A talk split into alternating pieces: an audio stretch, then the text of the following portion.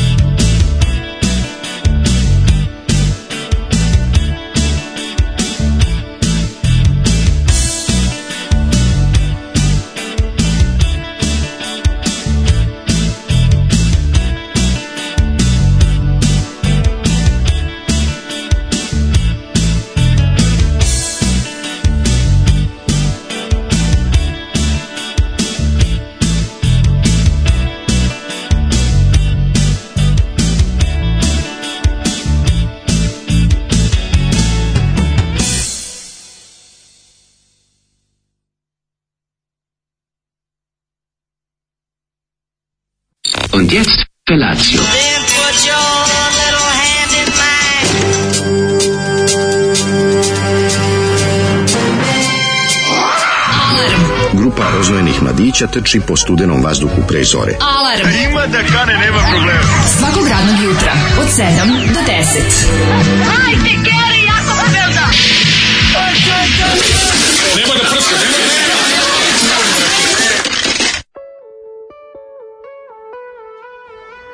Yeah!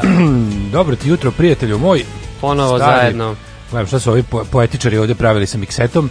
ovaj dobro, nisu, nećemo ih ovaj, nećemo ih, nećemo ih utreskati, dobro je bilo. Nećemo ih odavati, još su- nisu objavili epizodu, to je Aha, malo kasnije. dobro. Da, da. O, dobro, bit će danas epizoda poezije, svet nestrpljenjem očekuje. Da, podelit ćemo čim se ovaj podeli naš podcast. Pa da, dobri smo ljudi da se zakače na našu slavu, nije problem, što da ne.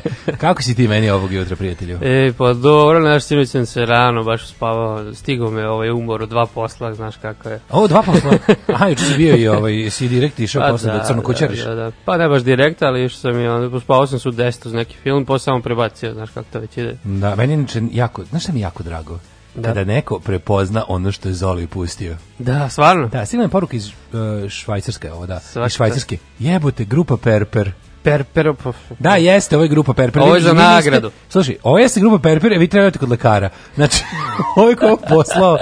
Doći će ljudi iz švajcarskog ministarstva unutrašnjih poslova da vam oduzmu državljanstvo. Da, da, da. Prepoznavanje grupe Perper nije normalno. Znači, šta god vam neko tvrdio, prepoznati grupu Perper nije u redu. Stvarno nije u redu.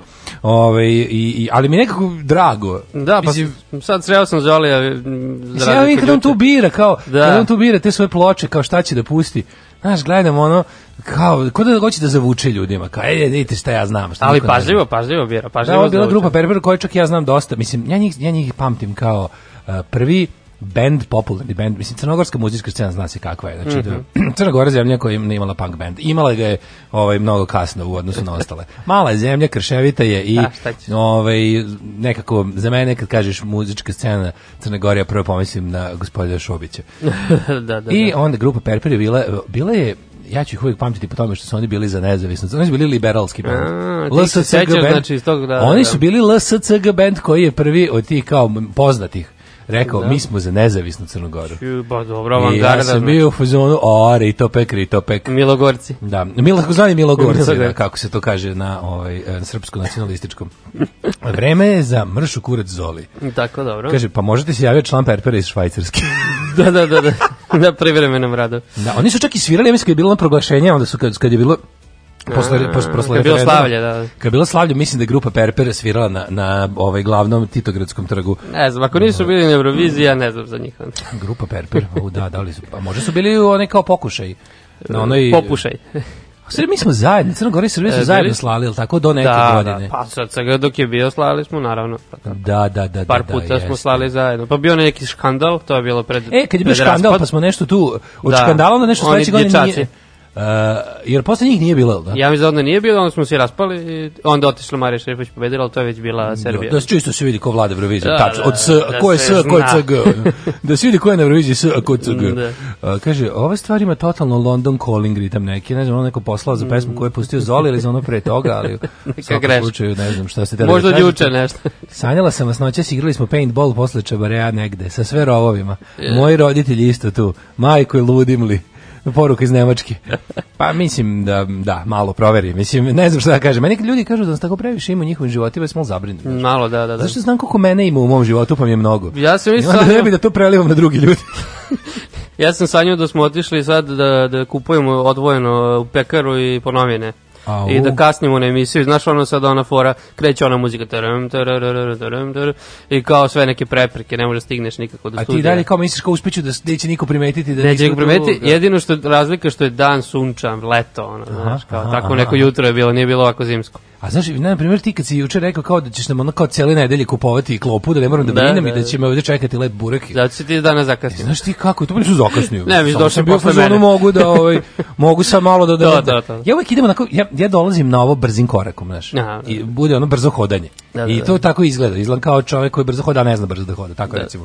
Kao neki jako debilan atletičar, tako, tako delujemo. E, jutro sam bio penzioner, lepo ruke na leđa. Lagano, da. I za da držim tranzistor, znaš, ono i polako. ovaj e, kaže ovako, e, evo glup fazon za dobro jutro, Mhm. kako se zovu gliste bliznakinje? Poruka izniče iz Makedonije. Mogla bi biti Makedonija spaljena za ovu poruku. Hajde čovjek. Pa iste. Dobro. E, kaže, e, pošto je Anton došao kući i sve je okej, da čestitam i ja. Živ bio teglio ga da mu mama i tata navlače kožicu da ne zaraste i da radi sve ono što mu i tata radio samo digitalno. Da, Ove, Pridružujemo se. kaže, pitanje za Zozu sa zakašnjenjem u kojoj kafani u Žarkovoj Krko Kovenicu. Pa Krko sam je u ovoj, e, kako sam rekao se zove, e, Čedić. Kod Čedić. Čedića, da, da. Neko je čak i pogodio da je ta bilo u pitanju. Ovaj, e, pa kaže, e, serija Češka zove se Slippers, ta sa HBO. Da, da, E, kako se tačno zove ono bueno bez vafla što ste pominjali? Juče sam ga jeo. To je, e, ima da se kupi, ti, ti ne znaš, ne znam da Dobro. pratio, ali ima se kupi sad ovako 100 dinara košta dva komada volika, znači Mhm. prilično je skupo za to koliko ga malo ima i prilično ima puno ambalaže za to koliko ima malo proizvoda. Znaš, oni odmah znaš da je proizvod luksuzan kad, kad su dobro zapakovali nešto čega nema mnogo. Da, da, da. da I onda da, vidiš šta si zapravo platio. Kao Bueno, potpuno je Bueno, u kom nema vafla. Pa za nas koji ne volimo drveće u hrani. Ove, zove se Choco Fresh. A, što, što bi to neko kupao? Ja bih ga kupovao, to je najbolje nešto na svetu. Znači, nema ni malo hrošt, hrošt momenta. Da. Znači, onaj savršeni krem sa onom savršenom čokoladom i mora da se drži u, u refrigeratoru. A, pa. Zato što je tako napravljeno. Ne, ja evo jedno već koliko, tri meseca ne jedem šećer. A jebo ti šta ti jedeš? Od sledećeg vikenda krećem, znači to mi je e, sezonski. A čekaj, zimi ti treba šećer, jel da? Ne, nego Da sad kad idu ovi praznici, to onda se opustim i leti se Ja, opustim. šta se opustiš na kojim praznicima se opustiš pa onda šta ono. I, aha, ti ideš uz posle slave i to kao. Da, da. Ne, dobro, kad, kad neko baš napravi nešto onak handmade, onda, onda probam obavezno. Dobro, znači u principu Ne kupujem, ne kupujem da kažem tako. Ti si baš zdravojed. Pa mm, mislim da je to teš, te, preteška reč za, Ne znam za baš. moju vrstu ishrane. Ti si zdravo, čoveče, ti možeš išto, ja bi trebao više tebe da izbaci šećer. Ovaj kaže bravo Đolo, fuj kupus, fuj kiselo. To, pa kiselo Oh. katastrofa. Kaže, ko je- kiselo mleko samo Slušaj, pitanje, koja pesma je išla posle emisije? Ovaj pesma je presavršen ljudi, to ne To znam posle. ne zna Drugi, niko. a, treći čovjek kom dajemo platu, to je auto DJ. Mislim da on je, on je zaista i plaćen. tako da tako da ovaj ne znam šta je on, on, je- on ima potpuno autonomiju u radu. Da. Ovaj e, kaže kako da stanem u XL majicu.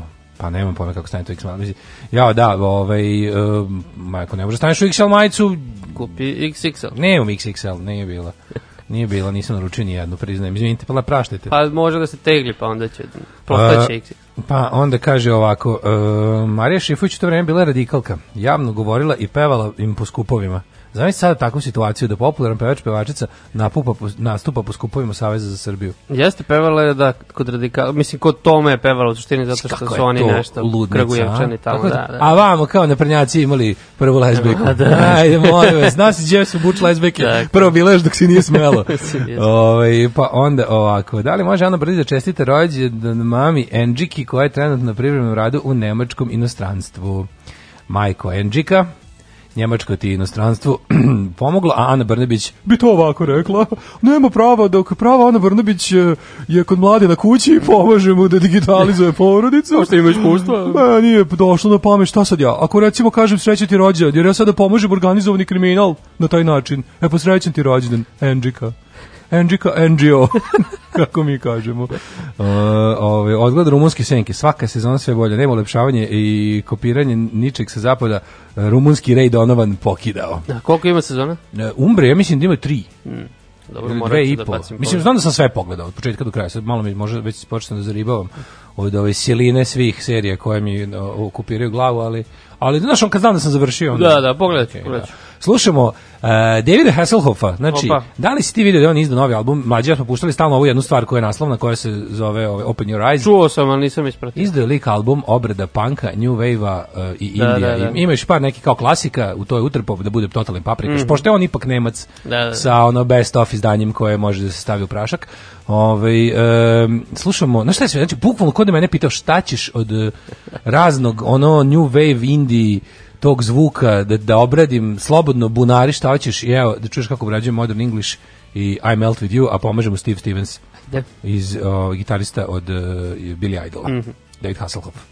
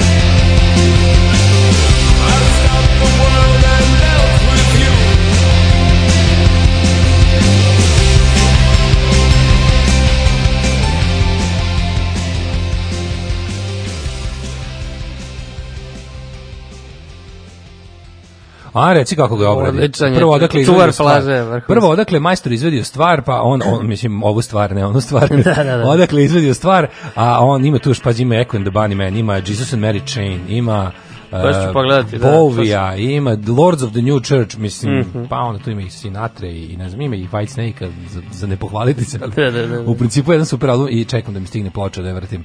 Ajde. Ovaj, kaže, izgleda nešto iz sedmi sezone Red Donovan izašlo u novembru, nadam se da nisu razvodnili, što tu ima više da se razvodni, ja već serija koju ću, znači, to ne naravno, pratim, da. ja Red Donovan obožavam, ali mi je situacija sa njime trenutno kao sa Sons of Anarchy, znači gledam Aha. iz poštovanja prema Da, da, da. prethodnim godinama koje sam dao njemu. To mi je jasno. da. Tako da ću da završim da vidim. Ovaj, znači, krenuo je Ray Donovan, ne pa lepo da sad i to imam, to ga pišem na papir. Ovaj, Đole, je li bolje voditi alarm ili serije gledati? Hvala, Alan Boder. Eto, vidiš. Jedino što Kaže se seriju ne moraš ustajati rano ujutro da gledaš ovo, ovo. E, jel može New Order Blue Monday? E, New danas je sreda, ne danas može. je, nažalost, ne može, danas je sreda i ne može Blue Monday, ovaj, ali vidjet ćemo neki New Order preko veze da ubacimo. Mm. E, pa sad, da, kaži ti meni, Đorđe, prijatelju, druže, brate, Mm. kako si ti proveo jučerašnji dan? Jučeras i ceo dan sam bio tako pospan. Ovaj, Aha, I aha. šta, pa bio sam kod, uh, jesi bio nekad kod Mileta Pice? Kako nisi bio kao u Gardenu? Da, Odličan je. odlično. Jesi odlično. Garden zove? Fresh Garden, da. da. Fresh Garden, moram da pohvalim. Jeste, Imaju jeste, onu picu, picu sa um, onu picu sa, sa mleveno meso. Probao? Da ti to nisi jeo. Ti si jeo neku. Ali probao sam tamo picu sa ananasom Jeste, ima. i pečurkama. Jesi vidio onaj mim što imaju, ovaj, jesi vidio mim sa ono kao neki, ne znam, odakle da li iz nekog filma Scorseseovog, mm. -hmm. da je ono, znaš, ono kad, kad likove vidiš na fotografiji da su neki matori Ja, italijani, da, da, da, ja. drže dva tipa, Drže- drže treći koji se ono kao otima i izgleda kao će mu ono kopaju Prvi- kao da mu cementiraju ananasa. kao da mu cementiraju njog i piše kao, kao Italian American is forced to watch as pineapple is being put on pizza First kao time. 2014. Colorized, colorized. kao de- 1940 e pa to je to mislim mislim da, kao Ali meni je okej, meni je to okej. ja sam isto za. Ja sam za za picno e, eksperimentisanje. Pa da, mislim, meni je ono kad neko stavi nešto, ne znam, papriku ili tako što, što se to radi, ali dobra, poješću i to čak. A, pa ima te kao te, to su kod nas kako zovu tu picu kod nas. E, kod nas je u pizzerija ja uvela takozvanu picu novosađen, koliko se Da, sećaš. Oni su bili je. pioniri stavljanja koje čega na picu, pa je tu znalo se nađe i slanina i, i, i paprika u jedan kolu na Da, da, da. ta babura Pa dobro, to je na kolu, to je Čest slučaj. a, pa je tu znao da bude i muruz kukuruzi su tu bili. Da, meni to isto besmisleno što. Pa zavisi, mislim, ne da, ne- ne razumem. sam nešto, onda je neko, meni je najbolje kad neko nešto prvi provali, neko izmisli nešto. To, to, okej. neko izvuče iz dupeta totalno nešto, kao sad ću ja ovo, ili mu se greškom desi, onda neko to proba, bude okej, pa onda on to nastavi da radi, a onda neko drugi ko se bavi sličnim poslom vidi i krene Da, ne- radi. ne samo za hranu, to ovo je može pravilo. biti, da, da. Ko je, ne znam ko je prvi ubacio one, ovaj, em, prženu, a ne mlevenu kafu u, u, u, u gin tonic. U, ne znam, da. To je neko izmislio tako ga. Slučajno, verovatno. Ili je palo nekom drugo, sa da. police dok je ono napravio gotove džinove i brisao onu aparat za espresso Da. kod, ne mle, kod gore kod onog mlina. I kao ide pravo. I da, i onda je rekao, mislio to tako treba. Kako su konjak, Pa- pravili kafu s konjakom ovaj tamo. Je li bilo i to? Pa da. Pa kaži U, u vojsci nešto. Kad... Pa tako je i ovo, znači ono kao neko neko je to. I sad je kao pravilo uglavnom po novosadskim pizzerijama kad naručuješ picu s tunjevinom, za koju možeš da napomeneš, neću da bude posna. Da. Hoću samo da bude s tunjevinom. Neću onaj sir od, od ne znam ja čega, nego obično picu samo staviti tunjevinu. Ne. Obično je sad kao ide kukuruz na nju, eksperimentirati. Mhm, u, u većini. Da, da. U većini pizzerije. Dobro. Kaže, pravda za ananas. Ove, e, I šta, ja bio si kod Mileta juče? Pa da, bio sam i ovaj posao smo kao da, da rešimo gde ćemo definitivno za, za novu godinu. Jo, još se nije rešilo. Sastanak na vrhu. Da, i, mislim, I da će, mislim da će biti Budimpešta, da je najbliže. Ja, divno. Tako, Lepo ali je Budimpešta. otiću danas, verovatno. Da. Molim te, ovaj, pripazi, kod jedini Airbnb za kojeg treba paziti, otvori četvore oči je budimpeštanski. Znači, A da, Terni sam čuo da je se žalio, da, da. Znači, ali još mi neko rejavio da, su- da jedin da su najbali sa Airbnb je bila Budimpešta. Ih ima jako mnogo. Mhm. I vidjet ćeš u odnosu na bilo koji drugi grad stvarno su najjeftiniji. Da, da, Zato da. Što je konkurencija ogromna. A to znači da tako skidaju se one stvari da treba, čitaj tamo, one, uloži vremena u one ocene. Kontom, da, da. Znači, ako je lik polovne gume varijanta, ako je lik ono, Znači, nema, ovi što, ovi što, ovi, znači, pazi samo, znači, ako je, samo preko 9-5 uzimi. U, dobro, ajde. Preko 9-5 To pa samo. kao i serije što gleda. Zrno kafe u konjaku je fora da ako se osjeti kafa konjak nije kvalitetan, kao u tome fora. A ne, ja znam za obrnuto, ali dobro. Aha. U, našao sam najcringy grafit u Novom Sadu na Grbavici. Grci su zbog Jelene uništili troju, ja bih sve dao za ovu moju. Taj isti je bio Jeste, u znam tebe. Valentina Vodnika na kraju tamo u našem starom studiju. Jeste, Kod našeg starog studija je bio bal Borođić Nazarene. Kod one kafane preko puta. Jeste, preko Znam, znam, znam. Grci su zbog ljubavi uništili. Zbog ljubavi je pisao. A ima na Grbavici bolje, ono, Gari daj 15 dinara, fali mi za puding. Pa to nije cringe, cringe su ovi Ne kao... kažem bolje, a ovi su cringe, da, da. Ovo je baš onako... Jeste, jeste, ima tako. Sramotate. Evo, Šta ja sam mu, uh, prijatelju moj, bukvalno, neko pita se pakao pakete ceo dan. A, ti si bio poštar, da. S jedne strane sam zadovoljan. Prekinuo si štrajk. Juče kao zvanično počela prodaja. Znači, Štrajk prekid. merchandise Ne, štrajk je gotov, ja tu nema Šalim šta. se. Ja plus još nisam, nisam ja još danas to, danas to šaljem. Mhm, Danas dolazi uh, ovaj Tadija, the mighty Tadija, da to, da to liferujemo, ali je ovaj, uh, Boga mi, znaš ono kad ja, ja to pedantno otvorim one sve poručbine Excel tabela, ko šta da nema greške, pa onda Znaš ona- Excel?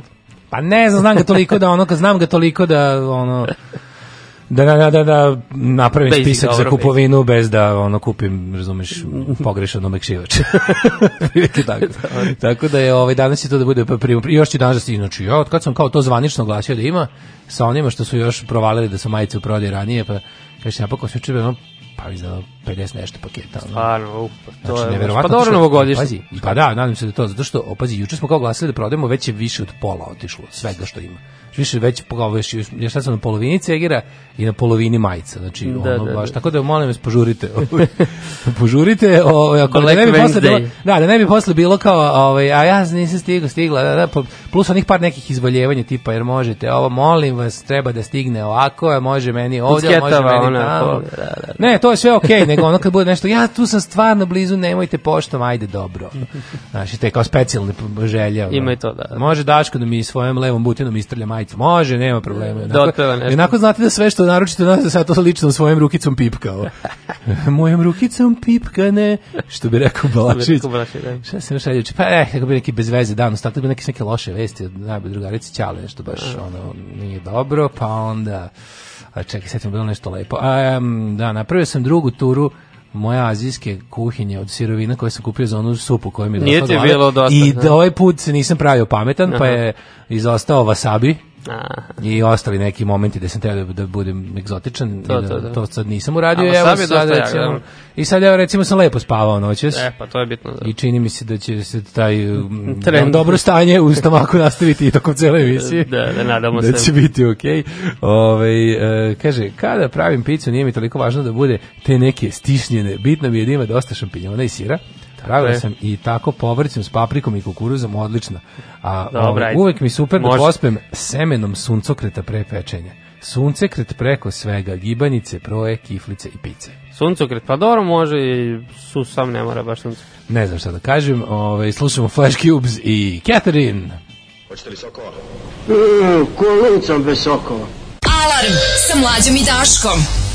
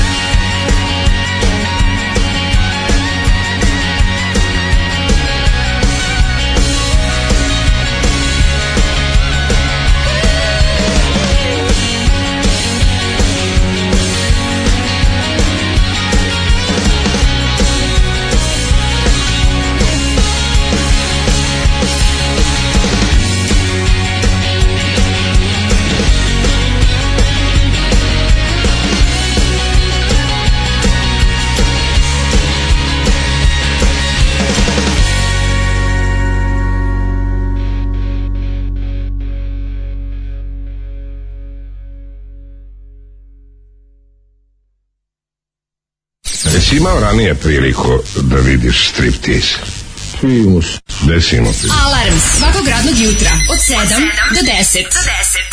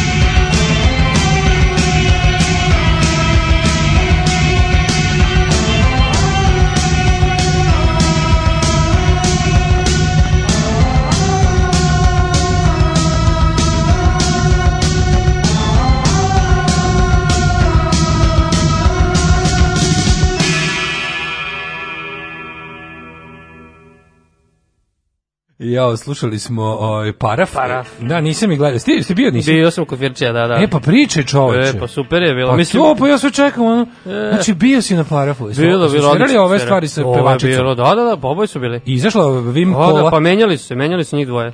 Onako Ja, mislim da su kao dva puta iz, izmenjali. A znaš da već bio, pa mislim je par bio ovaj Val, Walter, Walter. je bio sa onim svojim nekim bendom na na Tubi Punk festivalu, mm kako se to nešto Les Mandrills, tako nešto se. Ne, što imao neki, da, da, da. I sad ja ne znam u kojoj meri je ovo bila mislim original, jedna od i o kojoj u kojoj meri su ljudi koji su svirali tu u Novom Sadu i u Beogradu ovaj put bili Jasno. e, deo postave koja je snimila te klasične albume početku kraja 70. Koliko sam shvatio, praktično su, svi su bili. Znači bili su i, i pevačica i i, I, ovaj basista koji je njen valjda muž, ako sam dobro razumeo. Aha. Sada koji nisam lupio, ali mi čini mi se da je tako bilo. I da oni drže neki tamo kafić nešto, a ovaj Walter radi kao ono On nas, učitelj, nastavni on je učitelj. u, u neki nešto učitelj da ali, ali, nastavnik. Da, čitao sam neki intervju s njim da su oni e, zapravo te prve pesme snimili apsolutno bez kontakta e, audio sa punkom.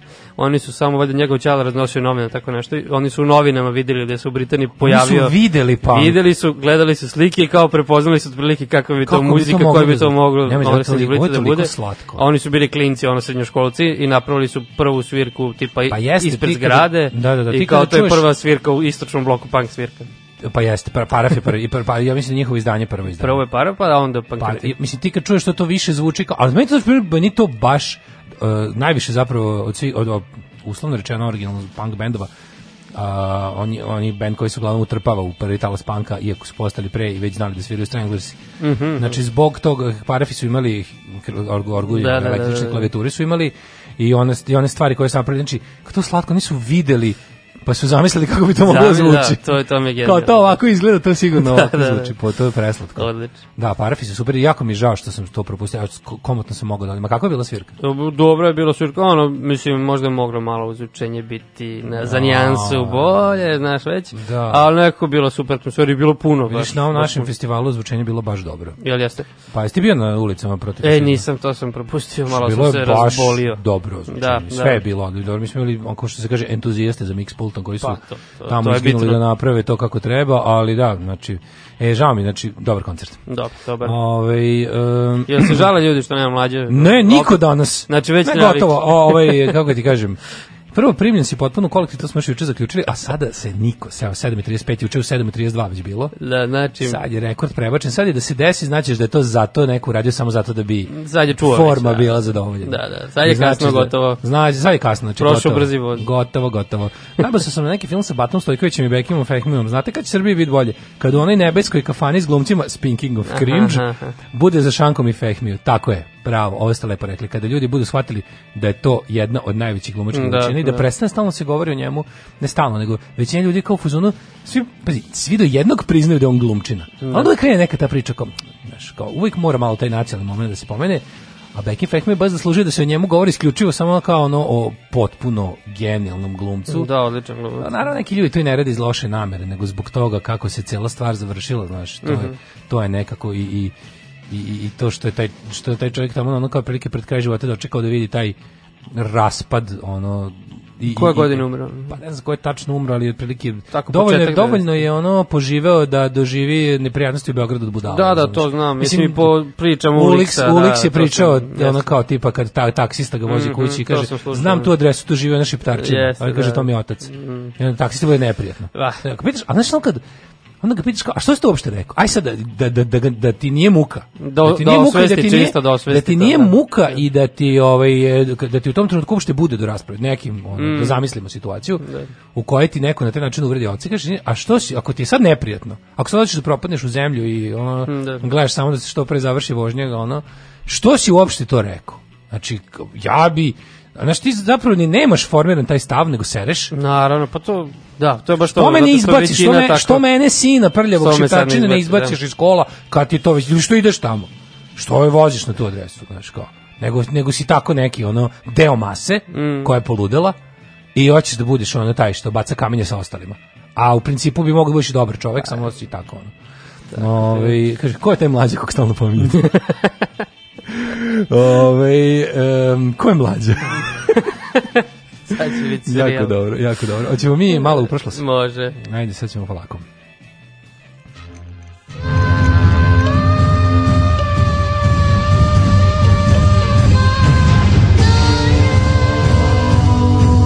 Dogodilo se na današnji dan. A, hoćeš ti prvi? Može, hoćeš ti da kažeš da ćeš za novu da mi godinu? Se, da mi se nadigne na današnji dan. Znaš da imam problema sa jutarnjim dizanjem? Da, da, da. Sajta na današnji Već sam dan. to primetio, nažalost. O, e, vidi. Dakle, sad mi- 18. decembar. 18. decembar. što god da znaš. 352. dan godine. Opa, koliko do kraja godine? Do kraja godine još 14 dana. Ne, juče je bilo 40 dana. 13 dana. 13 dana. Da, je 13 Sad dana. E, I gde ćeš, ovaj, da li Ne, si- ja te. Da li, pa ja sam rekao. A, hoćeš ti sad da budeš. Ajde, ti budi mlađa. Dobro. Pošto sad već stvarno se približilo Da, sad je već stvarno ozbiljno, sad treba praviti. i mislim da, da bi mogao da nam saopštiš zvanično. Sad, sad, sad ozbiljno, mislim da ću, ovaj, pošto sam se jako, jako, jako, jako želeo ovaj, Jane i svoje sestre, nisam ih s toga ne vidio, mogu, mislim da ću opet da u Beč. A, čube. Joj, idemo u Čebe. za- Znači ne idemo u Strugarsku monarhiju. A idemo, da, ti ideš u, u dualnu monarhiju. Ti ideš, mislim, sve nešto ozbiljno razmišljam, mislim, nervira me, nisam mi baš zbog raznih gluposti, nisam mogao da ih dugo vidim i sad mi već onako već ozbiljna kriza me hvata, pa ću Da, da, da. da, Pa, da vidim to šta ću i kako ću. Inače, danas je Međunarodni dan migranata, evo. Mhm. Srbija dočekuje Međunarodni dan migranata sa onom govnarima Obradović. Boška Obradovića i sa onda kao rascepom otprilike u Savezu Srbije, ali ne dovoljnim da bi što, što smo jučer rekli da bi neko oterao u materinu, rekao Mhm. ajde idi ti fašoj tamo na marginama političkog života da ti je mesto, nećemo mi već da te guramo u mainstream, ovaj, bilo je samo kao, a, da se složili smo da se ne slažemo. Pa zato Vučić ispadne divan po- pored njih. Vučić onda ispadne humanista pričamo o migrantima, pa evropskih da. razmera. Međunarodni da migrante, ljudi, ako vidite čoveka u nevolji koji niko, niko, nikada. Znači, e, jesu ljudi odlazili od svojih domova, ako ništa drugo iz radoznalosti, od kad je sve TV, kada vide nekog da ne drži mesto. Mm. Ljudi koje sretnete u onim natruntani jadni, onim što imaju, da imaju šta, šta mogu, ljudi koji nose džinovske te neke torbekanje na leđima, ljudi koji po hladnom vremenu tumaraju putevima blizu granica državnih, oni sigurno nisu tu zato što je kod kuće bilo dosadno ili zato što su došli nisu na tajnoj misiji da islamizuju i upropaste nešto nisu nisu znači, to su trebalo bi da vam je jedina emocija koju imate kada vidite te ljude ne da kažem sažaljenje ali solidarnost i saosećanje tako da eto to bi bilo to poruka govor eh, kolege to bi bila poruka za dan migranata to bi bila Da. poruka za dan migranata um, Moja istorija da. kreće u, u trećem veku PNE. ne da Te isto. E, 218. PNE. Da, ti si to je lepo izračuno koji je vek, treći vek. Pa ne, kada je u bici kod Trebije. Trebije. Trebije. Trebije. Trebije, da me vidiš. Ti si to na francuskom. Ja sam Trebije. Da. To je drugi punski rat. A to je zapravo Severna Afrika. Da. Kartagijski vojskovođa Hannibal nanio je težak poraz rimskoj vojsci. Punački ratovi. Jeste. Bo, dobro, to je baš početak tog punskog rata. 1398. Mislim, meni je prosto neverovatno da postoji neka druga godina osim 1389. u tom veku, ali izgleda da je bila. Ta, kada je Tamerlan, popularni Timur Lenk, zauzeo. Delhi. Da, znači oni su se baš ono proširili u tom periodu. držao većinu globusa u tom trenutku. Da, Mislim, sve što... Mi, mislim, njega znamo iz ove bitke kod Angore najviše. tu je, tu se očišao nas na način da su naši jel ovaj odavde velikaši imali obavezu da se pojave tamo i da nastupe za reprezentaciju za reprezentaciju Bajazita. Za koji da je- budu turski internacionalci. Da, i pošto bili porobljeni, onda tako. E šta je bilo, šta- jel se zna šta je Tamerlan uradio sa uslovno rečeno našima tamo? Uh, posle poraza, jer- pa ne, naši su, jel ja izginulo? Ne, koliko ja znam, oni su svi završili, u, bili su u Carigradu neko vreme i onda su... Gde je Kraljić Marko poginuo? Jel tamo? O, Nije, ne, u Rovinu. on je ranije, Ro- ranije. Rovine, Rovine, da, Rovine. da, da, ranije, ranije. Rovine, da. A ovaj, e, ko O, je tamo je bio Despot Stefan i Despot onda Stefan. posle toga dobio despotsku titulu. Jel? posle toga? Posle te bitke. A Pošto on- je bio veran. Ovaj. E, čekaj, on se, on se povratio živ zdrav. Da, da, da.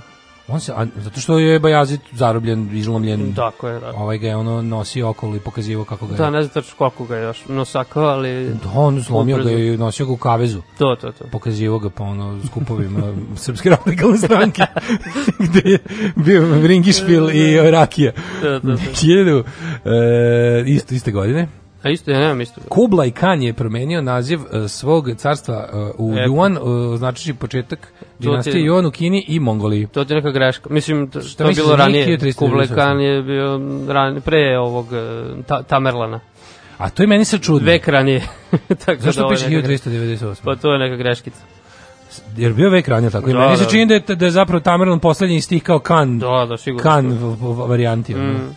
Iako nije imao kan u nazivu. Kan je titula, tako? Kan Pa da. da. 1000... 1499. 1499. Ajde. Muslimani u Granadi su se pobunili protiv svojih vladara zbog prisilne konverzije na katolicizam. Uh, aha, to su ovi uh, evropski u, u Španiji, tako? Da, da, da. Mhm. Tako zvani Saraceni. Sa, Safarti. Sef, nije Sefari, su E, jevreji. Jevreji, da. Jevreji. Ovo Saraceni. su Saraceni. Jeste, jeste, pravo. Tako. Uh, 1642. Abel Tasman postao prvi evropljan koji je doplonio do Novog Zelanda. E, Što da. jadni Novi Zeland što je nešto krenulo, da, ono, nismo čuli za njih 20 godina izbili I onda, vestima, da. 20 godina su bili vestima, da. samo kao ono, zanimljivosti. Gospodar prstenova. Nešto lepo, gospodar prstenova i, ona što je Annabelle Langbein što kuva. I odjednom jebate onaj pobi džamiju, zemljotres, vulkan. Baš ih nešto valjda, ne ostavite da ono Ostavite Novi Zeland na miru da bude da bude lep. Holandjanima. Da ostavite na miru da, da bude lep. 1777. Aha, u SAD je proglašen, e, proslavljen prvi dan zahvalnosti, Thanksgiving Day, čime je proslavljena nedavna američka pobjeda nad britanskim, dakle, pre godine dana su e, proglasili nezavisnost. A tu je bila varijanta, čekaj, ako se ja dobro Ja, dan zahvalnosti, da, se, To je dan ne zahvalnosti. slavi se baš kao i, mislim, ne slavi se sve vreme kao i sada, znači sad je to poslednji neki E, posljednji četvrtak u novembru. Ili četvrti četvrtak zapravo, ne poslednji. Nekad može biti pet četvrtaka u novembru, pa ima i tu razlike. Jer nije poslednji I Mislim da je četvrtak. četvrti četvrtak, Četvrti sada četvrtak. već Da je baš tako, ustanovljeno. da, da, da. A, ovaj, a ranije se slavilo i ono, u septembru i ne znam, u, u decembru, vidiš. Da, da, da, proslavljanje vidiš u sred decembra. A čekaj, tu je nešto, je li tu neka varijanta da su tu ono, Native Americans pomogli kolonistima protiv Britanaca? Je li ima to neke veze? Da, da, da je tu nešto bilo tako nešto. Pošto taj Thanksgiving Day ima veze sa, sa, sa Indians, kao ne, neki od nešto tu postoji. Možda, vidiš, ne znam. Zar nije tako nešto bilo? Nisam siguran, ja bih očekivao da ti znaš bolje to američko. Pa američku, da, ali to su te neke začkoljice da ono ti se brka sve Jeste, živo. pa ono. ne, nisam ja siguran. Ovaj taj pre početak Amerike. Mm. E, 1787. New Jersey je postao treća američka država koja je ratifikovala ustav SAD. Dobro. A-. Ovo nešto SOD, vidi. I Jeste, meni pa, bar. to su- to su- 1865. Tu su te godine. 1865. ratifikacijom 13. Ovaj, Da. amandmana, to je ukidanje ropstva. Mhm, da, tri četvrtine. Amandman. Pa da, ovo je na kraju građanskog, građanskog rata. E, 1903. Mhm. Američko-panamskim ugovorom zona Panamskog kanala je stavljena pod kontrolu SAD uz godišnju rentu. 1916. E, pobjedom Francuza završena je desetomesečna bitka kod Verdena u Prvom svetskom ratu, u kojoj su obe strane imale gubitke od e, Tamo je milion po ljudi pola izginulo. miliona. Znači, Da, tamo je milion ljudi ukupno izginulo. Ukupno milion ljudi, čoveče. Znači, Zamisli, to je ta Ja, rovovska. ja to često zamišljam koja je to površina, podeliš površinu ratovanja, bo- bojnog polja, Da. sa milion ljudi. Koliko Podeliš ljudi po- milion vidiš da, koliko... po kvadratnom metru. Po koliko lešova tu gaziš ako pokušaš da pređeš jednu livadu. Da. I ono- Znači, deset meseci su se Sve te, sve spomenike. Nisam, nisam. Oni neki, kako se zove, mislim da se kaže da se čita Mort Om. Mhm. Mort Home, taj neki, ima, mislim, to je, pa što to, to je kampanja više bitaka i više, ono, Da, da, da. to jedno, ono, to je, Ali tu je, da, mislim, to je trebalo koliko piše da je stajalo? Da je 10 trajalo? meseci. Da, pa znači oni su bili u rovovima, mislim. bilo tu i ničega, ono, Nije bilo napredo. nedeljama, ono, razumiješ? Da, da, da, svakako. Onda kad krene, ono, Mm. ovi što mi je bilo dosadno, poželim, opet bude dosadno. E, osnovno je Hrvatsko novinarsko društvo na današnji dan, Koje godine? I 1910. A, kao neovisna udruga profesionalnih novinara sa sjedištem u Zagrebu. Meni 35. sledeće. A, izvolite. Edvard Beneš Benem, izabran Benem, za Benem. predsjednika Čehoslovačke. E, Četiri dana posle ostavke prvog šefa te države Tomaša Masarika. Jeste, on je dočekao i Beneš je dočekao i da mu Nemci uzmu celu zemlju faktički. Da, on je bio to u, Su, u stu, egzilu. takozvani studentski Nemci. Da. Be, Beneš je onda morao da, da, da, da, da, pa, da, da bega. Da, pa se onda vratio. Jeste. I on je nekako to dosta, dosta bezbolno to bilo predavanje vlasti, Vlasti komunistima. komunist. Mislim, Da, nije drugačije, nije bilo nikakvog bili- građanskog rata, nije Da. bilo Da, komunisti su preuzeli vlast u ovaj pod jel ruskim ono za- zamolili su ih Rusi baš lepo. Lepo, da. nisu mogli da odbiju. 48. Ovaj 48 je došlo do bukvalno skoro pa demokratske tranzicije Da, na, da. na, na boljševizam. E, pa onda ovako 1940. Mhm. Vođen nacistički nemački Adolf Hitler naredio u drugom svetskom ratu generalstabu nemačke armije da pripremi invaziju na Rusiju i smislio tajno ime Barbarossa. Barbarossa, znači šest O. meseci ranije. Jeste, to je po germanskom caru koji je Da, da. prvi zapravo pokušao se širi na istok. Iz 12. veka. jel? Jel tako? Pa da, Jeste. bio u Nišu. Da. E, jeste, bio u Nišu. Bio Nišu. Sastao se sa Stefanom Nemanjom. Jeste, jeste, jeste. jeste. Ove, je li ima spomen soba gde su se, gde su se sastali ili kako to već ide? Ne, ne. Ove, e, I o, da, tu je već, već nekoliko ovaj, nedelja kod e, druga Indija u World War II gledamo kako ovaj to ispod žita, nešto, sad, sad, Aha, sad ga pratiš ovaj, da, da, da. sad ga je kao ozvaničio i dalje naravno to top secret, top secret. Uh, ovi dalje misle da su stavljanje ubeđeni apsolutno da oni imaju ono nerask, Da, da, neraskidiv pakt, ono, On je to verovao. zasnovan na časti dvojice državnika. On je to verovao do kraja. ne, verovo dok mu nisu. Mislim da. do početka Dok ih nije vidio na zadnjoj stanici tramvaja u Moskvi. To. Hiljadu- 66. meni. De, ajde, zvoli. 66. američki astronom Richard Walker otkrio Saturnov satelit Epimetej. Evo, ako bude pitanje neka vizu, zapamti ovo. Epimetej. Epimetej. Dobro. Uh, 1970. U Italiji stupio na snagu zakon o razvodu braka. Je, 70. 70, od tek od 70. se ljudi mogu razvesti. Pa izvini, u Irskoj Čekaj. nisu mogli da se razvedu do 95. ono. Uje, Ako i toliko. Pa Kako- u Irskoj je abortus moguć od prošle Da, godine. da, dobro, za čoveče. Irsku znam. Ovo, da, za Italiju, da, mislim- protivila se katolička crkva, kao, a njima, znaš, katoličkoj crkvi je to gubljenje kontrole nad italijanskim društvom najteže palo. Jer to je, Mhm. nikako, to je njima dvorište, znaš. Pa naravno. I onda kao kad je varijanta da, da, da, ovaj, da da tu nešto ljudi malo se jel sekularizuju i ateizuju, to im je baš onako težak šamar. Teško im pa. 72. Aha, u SAD su u Vjetnamskom ratu počele masovno bombardovanje Hanoja koje je trajalo neprekidno 12 dana i Da. noći. Hanoi Rocks, Har, se Nixon, drma. Đubre. Đubre Nixon, nije im vredilo, nije im Ništa, vredilo, da. nepokolebljivi duh naroda Vijetnama pobedio imperialističku čizmu. Tako je. 1972. Isto, iste godine. Da, Stanley Barrett probio zvučni zid na zemlji. Da. Vozio Znači- kola 1000 na sat. 1000 sati vozio. Preko znači, 1000, jel? Čekaj, čekaj bre. To je stvarno, Na ja, raketni ja to pogon. nisam znao. Ja Da. nisam znao. U. Kaliforniji, jel? Što nisam ni znao da je probijen, da je Sonic Boom napravljen. Pa ja se to na, da na, na imam to u glavi kao da da Jesi bilo- ja kako izgledaju Da, ja kad vidim, te, kad vidim te raketne automobile i Mm. da je fora, da, ja uvijek mislim da se tu obara kao taj takozvani line speed rekord, odnosno rekord, rekord u brzini gde vozilo dotiče tlo. Da, da, da, da. To je line speed To je rekord to. i to je posebna kategorija. Mm. A ovo je Možda bude bilo koji pogon, ali je fora da je da je u kontaktu da, sa tlom. da je na zemlji. I sad da se tu da je to išlo toliko da da probija zvučni zid. Hiljadu, tisuću kilometara. Zvučni zid se ja sam mislio da se zvučni zid probija na na dva i više maha, ono ili kako Mhm, već. mhm, E pa, vidiš što. Ove, ni- da. Uh, 1800 1987. Nemam Pojavila to. se prva verzija programskog jezika Perl. Dobro, Da li ne ovo ikom isto znači? Da li ovo ikom isto znači danas? Pišite Baš me nam. zanima. Vidim Os- da je znak eh, programskog jezika Perl eh, jednogrba dijeva. Mhm. Eh, 89. Evropska ekonomska zajednica i Sovjetski savez potpisali sporazum o trgovini i ekonomskoj saradnji. Ne, to da. to je glasnost perestrojka i ostalo već eh, E. Bor, Borbačov A pazi ovo. 93. a? Da, u Zagrebu ob- obnovljen rad Srpskog privrednog društva, Privrednik, koji je ukinut Da. od 46. Pazi ti kako je to interesantno da je ovaj čet kao naš uh, Tuđmanu je trebalo ne, malo da pokaže kako mu je zemlja ipak demokratična i ljudsko pravaška. Da, ali znači ukinuto je tek 46. Pa 46. je ukinuto zato što je ukinuto bilo kapitalističko. Znači to je bilo društvo bogatih srpskih trgovaca koje naravno u socijalizmu nije mogla postoji. Ali u NDH su postojali bez problema. Znači. A to misliš ukinuto 46. Ukinuto pa mislim 46. Da, to je više interesantno. Mm, da, mislim, ne znam, nisam se 46. bavio, znam da su oni ne, bili na moguće da je bilo- faktoru. Viš to treba, to je baš interesantno. Mm. Zašto šta, Kakav je bio NDH je, položaj u Zagrebu. NDH je bila jedna ono kao potpuno ludačka stvar koja je u sebi imala i nekakve kako ti kažem, a da ne bi dozvoli ništa što se zove srpsko. Pa to mi je čudno, da. Znaš, Pavelić je izmislio način da baš, pošto je verovatno video da nema šanse da pobije sve, mislim, industrijski je nemoguće, pa su bili onda neki pokušaj tipa Hrvatska pravoslavna crkva i znaš šta? Da, da, da. da. Bilo je važno da se jednostavno kao da se da se da se spomen srpskog ukine. Mhm. I onda je bilo to kao ako ćete ako ćete se zvati Hrvati katolici, možda vas propustimo, znaš. To, to, to. A ne moguće da ne da ne bi dopustili da postoji srpsko privredno društvo u Zagrebu, nema Da, šanse. Morat ćemo ovo da prispitamo. Nema šanse. Ali znaš, ja, to kad je kao obnovljeno, mislim, e, to društvo privrednik je danas postoji, to Mhm. okuplja kao, jel, uvek kada su, znaš, da, ga- mislim, u- oni su uvek bliski svakoj vlasti, Da, da, da. kao na kraju kraju Srpsko narodno veće, Pa da. uvek su bliski svakoj vlasti, tu je Pupovac se tu nešto uvek nešto mnogo pita, to Pa, su oni što nameste Bandiću da dobije dukat u česnici. Jeste, jeste. Znaš, oni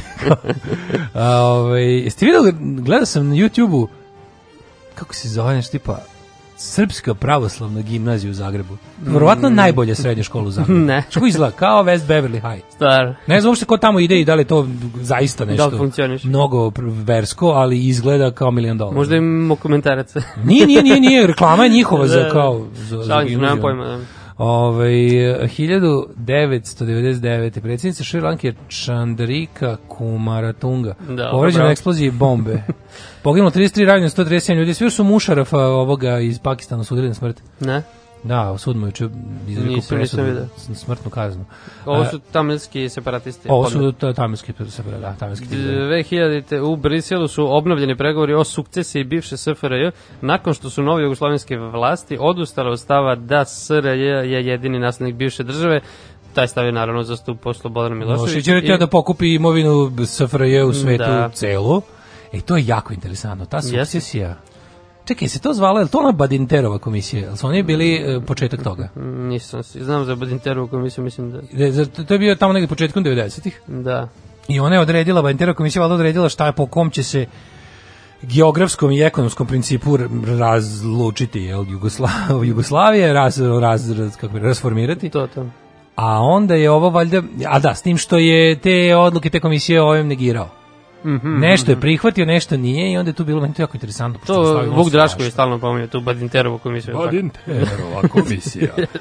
Ove, I onda su te, mislim, to su diplomatsko-konzolna predstavništva, Mm. pa onda naše zemlje imala gomilu tih, pošto je Da, da. imale te razne genekse i ostale naše kompanije, jer je sve bilo državno, nije bilo naš privatno, nego si Jeste. imao te neke a, eksport, import firme vamo i tamo, pa je to sve Meni je to interesantno kad kažu je, znaš, ko, znaš, zašto da mi imamo, ne znam, neki, neki stan, znaš, ko ima stan neki jako dobar na Manhattanu, Da, kome da, će da, to to sve- pa se onda namire za nešto, Mm. znaš, kad nek to uzme Slovenija ili Crna Gora nek dobije, znaš, A neki to- naš... Znam da je to bila rasprava oko olimpijskih igara kao da ove Isto, kao medalje. kome će kao pripasti kome se medalje? te- to to sve računa kao navodno za Srbiju. Da, to su, to su, to su nam prepustile ostale republike. Pa, da, mislim, oni definitivno to neće da svojataju. Ali, na primjer, viš, u, u, u istoriji Hrvat, povijesti hrvatskog športa ima Mislim, znaš kako, pojedinačno To je bre, ma ne, nego to je kako kome odgovara. Pa, To je kako kome odgovara. Jest, Znaš, to je jest. bilo ono, Naš bez problema će da svojataju uspehe iz doba Jugoslavije ako na bilo koji način mogu povezati sa... pa jeste.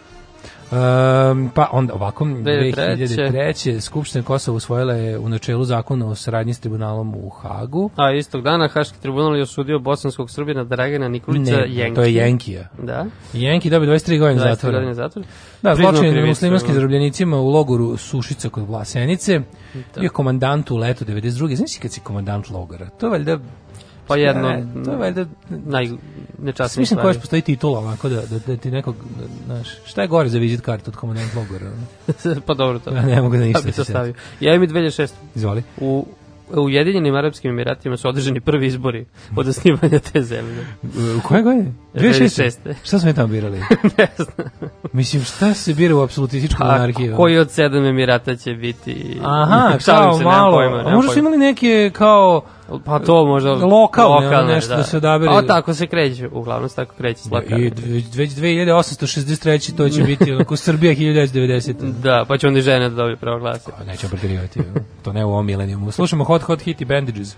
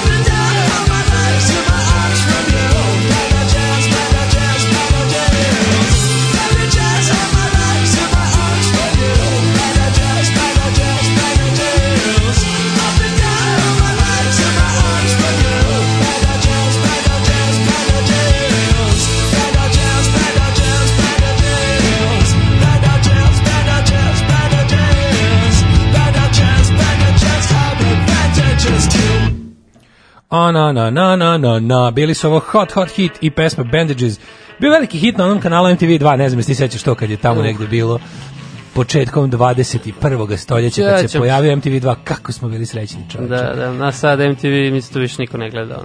Ono. Ovaj, em, pa kaže ovako, Jel ima demantija neki? ovaj, e, brzina zvuka je oko 340 metara u sekundi, tako da auto mora ići negde više od 1200 km na sat. Pa dobro da piše preko 1000, sad to može biti 1500, nemam pojma. E, kaže ovako, dan zahvalnosti slavi pobedu lično nad kolektivnom imovinom, lično imovinu nad raspadom zajednički, bolje da nisi pitao. Mm -hmm. Đole pojasni peti četvrtak u mesecu, ovo meni sad pojasnio. Da, Može, da, da. Ako je, Pa, ako je prvi koji dan, u mesecu četvrtak, Ako je prvi ili drugi, znači samo ako nije februar, naravno, može biti... ne, pet, ne, biće- govorimo konkretno o novembru koji ima Aha, 3, 30 novembar je dana. 30, znači ako je prvi ili drugi u mesecu četvrtak, onda će vam biti prvi, 29. 8, 15, 22, 29 četvrtci. Jeste, vidiš. Vrlo jednostavno. Bravo. A, zar nije Bata Kan Kan poslednji od tih kan, kanova? Zašto svi govore deci novog godina, niko ne spomenje reprizu? Slušaj, on kaže, da se promeni ime emisije u Daško, Daško i Mlađani.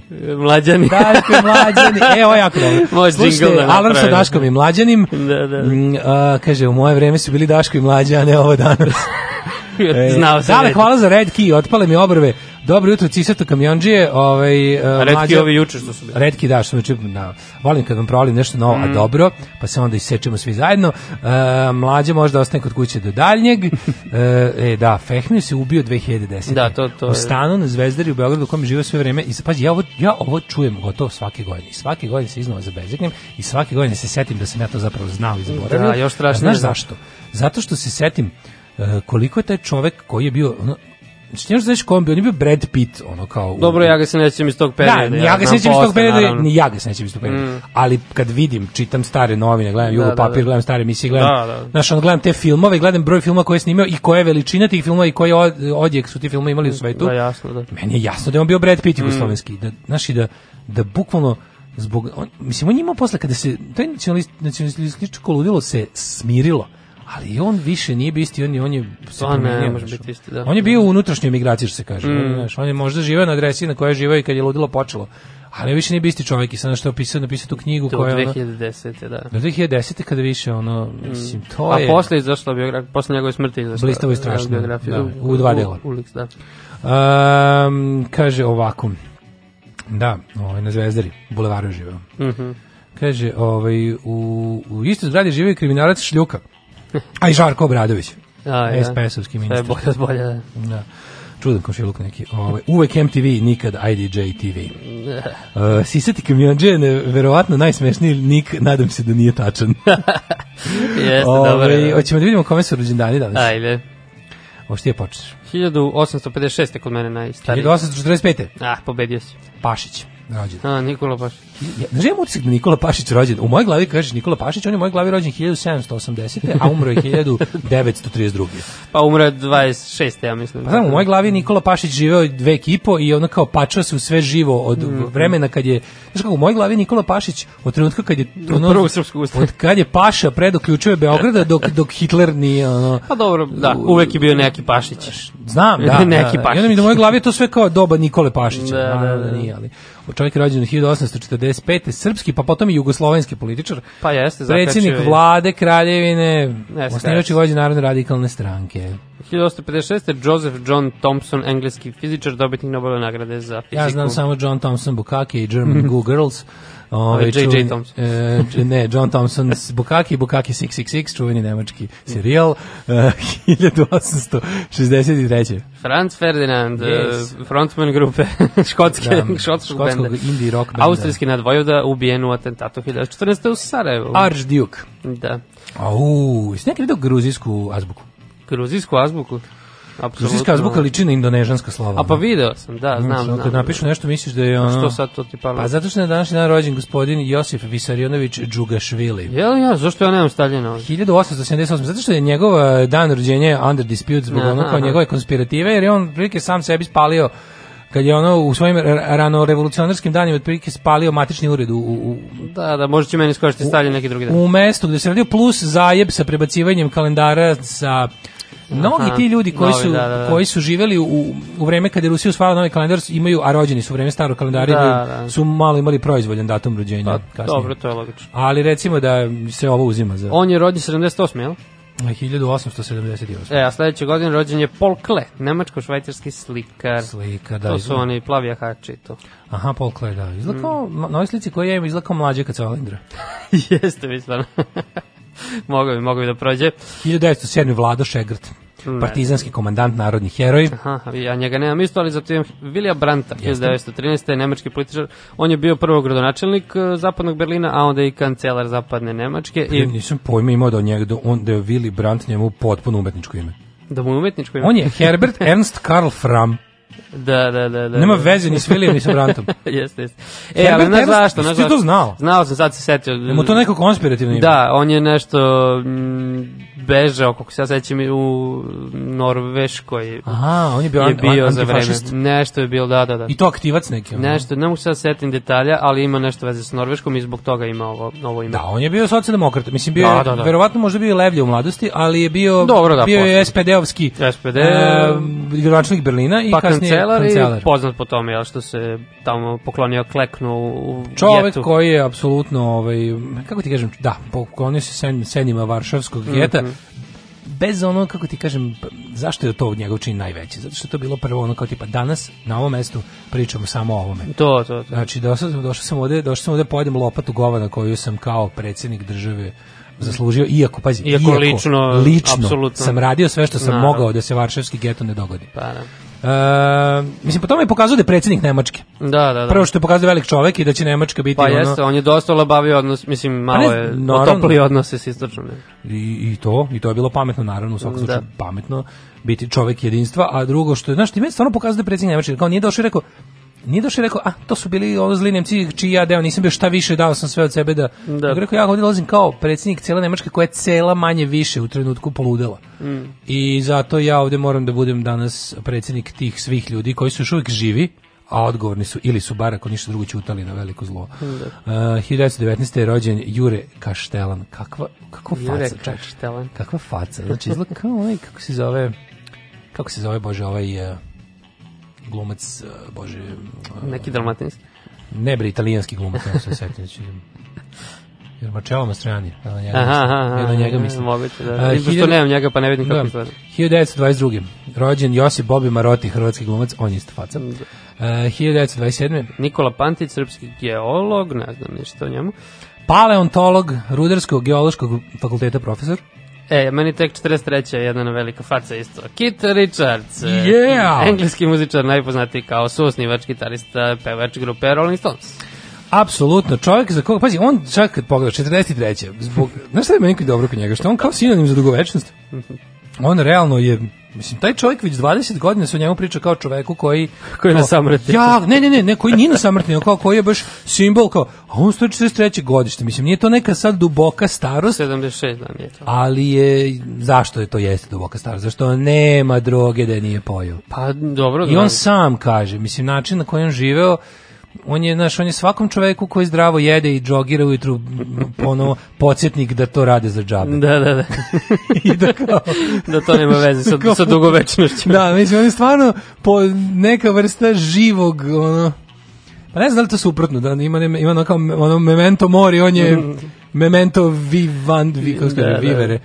Vivere, da. on je prilike, on živećeš kako živećeš ono ako ako ako, ako ti je tako suđeno. Znaš kako kažu, kad menje krv. To. Da, kao menja krv. Ne, taj men, ne, menja krv. Ja obožavam te legende urbane o njemu. Da, da. Gde je ono kao varijanta, ovaj, kao pošmrkuje pepe od svoga ćaleta. Znači, ne tako neke priče. Da, da. 46. E, 46. Milena Zupančić, slovenačka glumica. Znaš, Dobro je ono, dobar je Steven Spielberg. Da, da. A znaš ko je Milena Zupančić? Mm, ne. Da znaš sigurno. Daj malo. Iz uh, Pod Citation Street, ovaj uh, Berček što glumi kako se zove dečko koji bećava pa Aha, Keva ona- od Keva od... Od djevojke. Aha, aha, aha, da, Na, jeste, jeste. na kraju završe i oni. Da, da, da, da, da, do obeća, dečko je obeća. To. E, A, 46. Steven rođen Steven. Spielberg, američki filmski reditelj, producent, trostruki dobitnik Oscara, najuspešniji reditelj svih vremena prema prihodu na blagajnama. Koji ti je najbolji Spielbergov film? E, ja najviše volim Spielberga iz 80-ih. Znači, Spielberg od 80. do 90. za mene je bukvalno sve dobro što je A snimio. čekaj, ovaj- Malo posle razvodnjava. Schindlerova lista iz 90. E, pa to je rane 90. Ja, jeste. da. Ali meni to recimo, ok, to je jak film, ali ja ne znam da, zašto imam problem u glavi da me- meni je, meni je Spielberg ipak, ja znam da to njegov film računamo ga naravno to je on bi to verovatno rekao da mu je životno delo kad bi ti njega lično pitao da izdvoji šta mu je najznačajniji film Da, rekao da, bi to da. ali ono znaš kao Spielberg je meni ono nemam pojma i ti je Spielberg za mene Da, meni je dobro. Na prvom mestu Ja prvo to pomislim, da. pa onda ovaj kako se zove Empire of the Sun Aha, aha, aha. pa onda recimo znaš ovaj Dobro, ja volimo i ove njegove malo kasnije sa Tomom Hanksom i to što je radio spašavanje redova Rajana, pa ovaj Terminal, pa. Da, jebote, Spielberg je spašavanje redova Rajana. Kakav je to film? To su kasnije, da. Kakav je to To film? je čovječe? odlično. to je baš film čino. mislim ne novo kasnije, to je 90-ih, ali Terminal Pa, je prvo, novi. Terminal mi je onako, gde si to izvuka svaka čast? Pa dobro, to skoro sam nešto. Forrest da. Gump je okej. E, da, Forrest Gump, čovjek. Pa Forrest da, Gump, pa, okej. i, i skoro mu je Tom Hanks glumio u nekom filmu što sam slučajno saznao jer je, u snimanje u Vroclavu, a bio sam baš tamo kad malo u, u to vreme neko. I A, su Bridge of Spies. E, da. I to je super film. I onda su ga, e, ovdje je im- sniman Spielberg. Znaš šta, imam utisak da Spielberg u poslednjih recimo deseta godina malo e, to mi se isto dopada. Opet je počeo da snima, snima tih nekoliko kao velikih, što meni Mhm. nije bilo interesantno. Svi oni, meni nisu bili, se zvao, se zvao ovaj Artificial Intelligence. Je li to Spielberg? Jeste. da da. ti neki veliki, tako ti... Pa i Jurassic Park, bože, iz 90-ih. to je ti veliki hit. što svetle plavo, ono naučno fantastično, meni to nije bilo interesantno, ali mi je dobar Spielberg što u poslednjih recimo 10 godina snima te malo manje pretencijozne, malo manje megalomanske. Mislim, sve što on radi je skupo. Bridge of Mm. Spies je ono blockbuster. Da, da.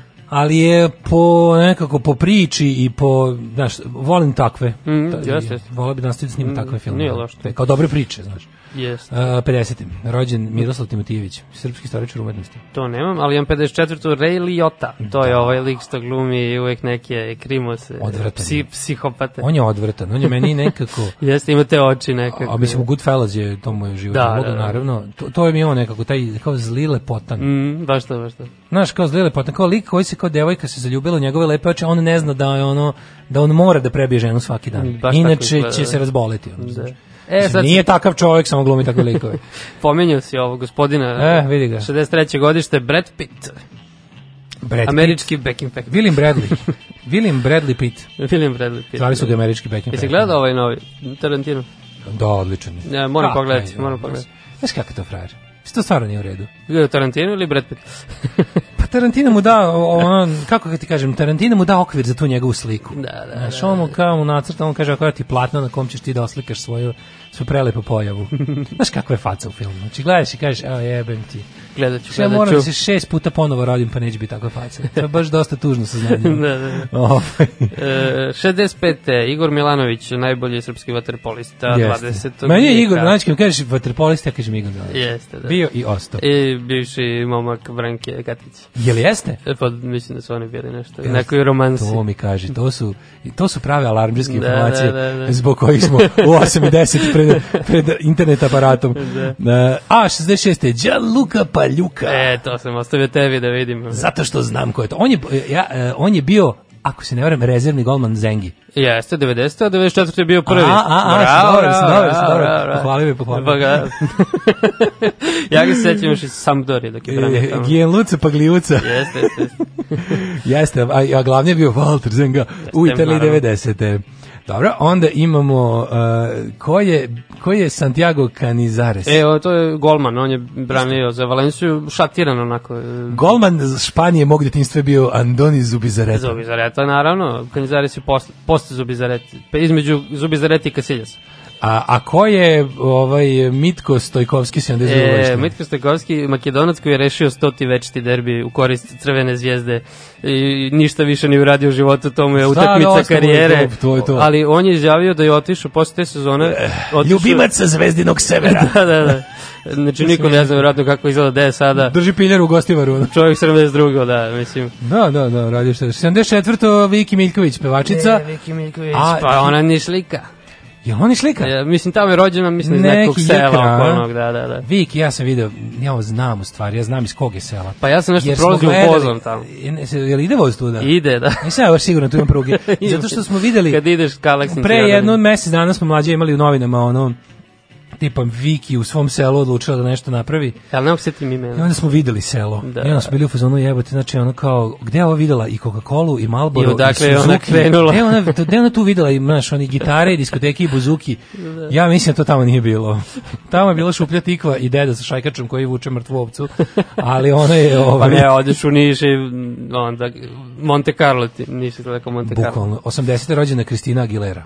E, I Katie Moje- Holmes 200 godine starije. Meni je Kristina Aguilera omiljena od tih kao tih kezavih klinki s kraja Aha. 90-ih, jer je bila najdirty. Da, Za nju se videlo, mislim, ostali su možda poludele, ali kod Kristine Aguilere se odmah video taj filth koji, koji ja cenim. 1981. Nives Celsius, a ovo je Yeah. complete filth, ovde nema nothing but filth, a, i to tek što cenim. Jako dobro sliku. Prete Čave i prete čovjeka, Nives Celsius, moja i mlađina krsna slava, e, umrli je današnji dan. Aha, Stradivari, 1737. graditelj e, gudačkih instrumenta. to je jedini za koga znamo. Kako ne znaš, ne znaš za Amati, za onda ovi, kako se zove... Imaš oni joj. neko, kako se zove, se čekaj, čekaj, Nastavite. jel ima, jel ima, A ima, to ima Grimaldi? I ima. Grimaldi su ovi Monako, dinastija. A se nisu zvali neki graditelji violina Grimaldi? Pa mo, Amati, to se sećam iz Stradivari. škole, imali smo neku ludu nastavnicu. Da. A, Amati, 803. Stradivari i, i, i nešto još ima. A, 1803. Johann Gottfried von Herder, nemački pisatelj istoričar.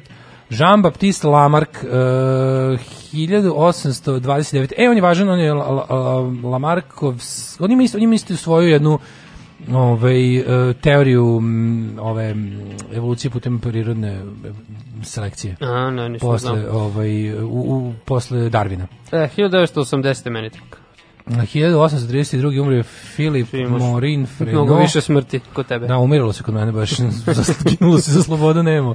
A, Antun Mažuranić, 1888. umro. Mm. Gramatičar i leksikograf, pa onda ovakav osnivača Matice Ilirske. Na današnji dan umre Andrija Mohorovičić, seizmolog, pa Kosigin, državnik E, Kosigi 1980. Ruski Sasvim državnik, on je bio baš dugo nešto, funkcioner. Dobriše Cesarić, hrvatski pjesnik, 1980. Iste godine, da. Jeste Konrad Zuse. Pa onda... 99. E, viš. Konrad Zuse, nemački inženjer zaslužen za kreiranje prvog programski kontrolisanog računara. Aha, dobro. Gilbert Beko, 2001. E, ne bi te čekao ni Žilber Beck. Nego bi umro. To bi se rekao. 2006. Joseph Barbera. I Srđan Knežević. Barbera je ovaj uh, Animator. Bugs and Bunny, jel? Ne, ne, ne, ni- nije, ne, nije Bugs Bunny. A, a, Hanna Barbera su ti ovi drugi ostali, ovaj po, recimo Draguljče, Dragoljupče, Aha. Vuk Vučko, Vitezkoja, Da, znam to ime. Snehotresna olimpijada, Šalabajzerići Šalabajzeri. i drugi društvo ekipa, o, Joseph Barbera i njegov partner William Hanna. Mhm, vidim. Iste godine umro Srđan Knežević, ne se sećam. On se nešto, on je Neka baš... kva- da li kvadriplegija ili multiple Da, skleroza. da, da, njega nešto, on je... Završio u kolicima, da. Da, ali je bio, da, da, nešto ga mm. spucalo odjednom, onda je to, da. Da, ima dobar glas. A ima dobar glas, jeste. 2011. Vaclav Havel, Čekaj, čekaj, 2009. Oskar Danon. Aha, izvini, Oskar izvini. Danon, znaš ko je to? pod dirigent. On je dirigent i kompozitor. On je bio jevrijskog porekla. Ovaj, Da. Oskar Danon je zaslužen za neke od najboljih onih partizanskih i kasnije komunističkih pesama, onih Baš je svečanih. dugo živeo. Svečanih, jeste, jeste. Ovaj, Vaclav. Havel umro 2011. Havel, da, on je prvi predsjednik Čekoslovačke. Šta znaš o Antu, Anti Žanetiću? Legendarni Hajdukov igrač koji je umro 2014. Anti Žanetiću? Da, znaš ništa? Ne, Ne znaš? ne bih znao Žanetiću. Dobro. Znam da je 2016. Zaza Gabor. Žaža Gabor. Tebe nema, Žaža. Živio nas mladen, naš komandant. Čekajte drugo. Alarm sa mlađom i Daškom.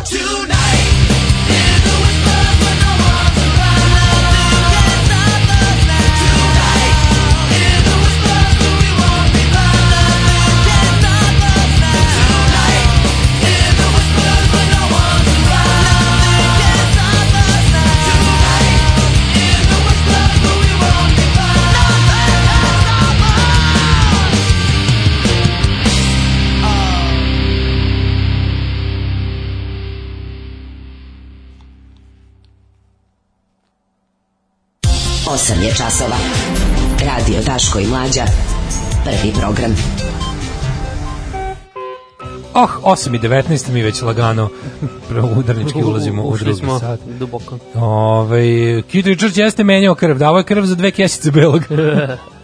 Razmenjivao je, što bi se reklo.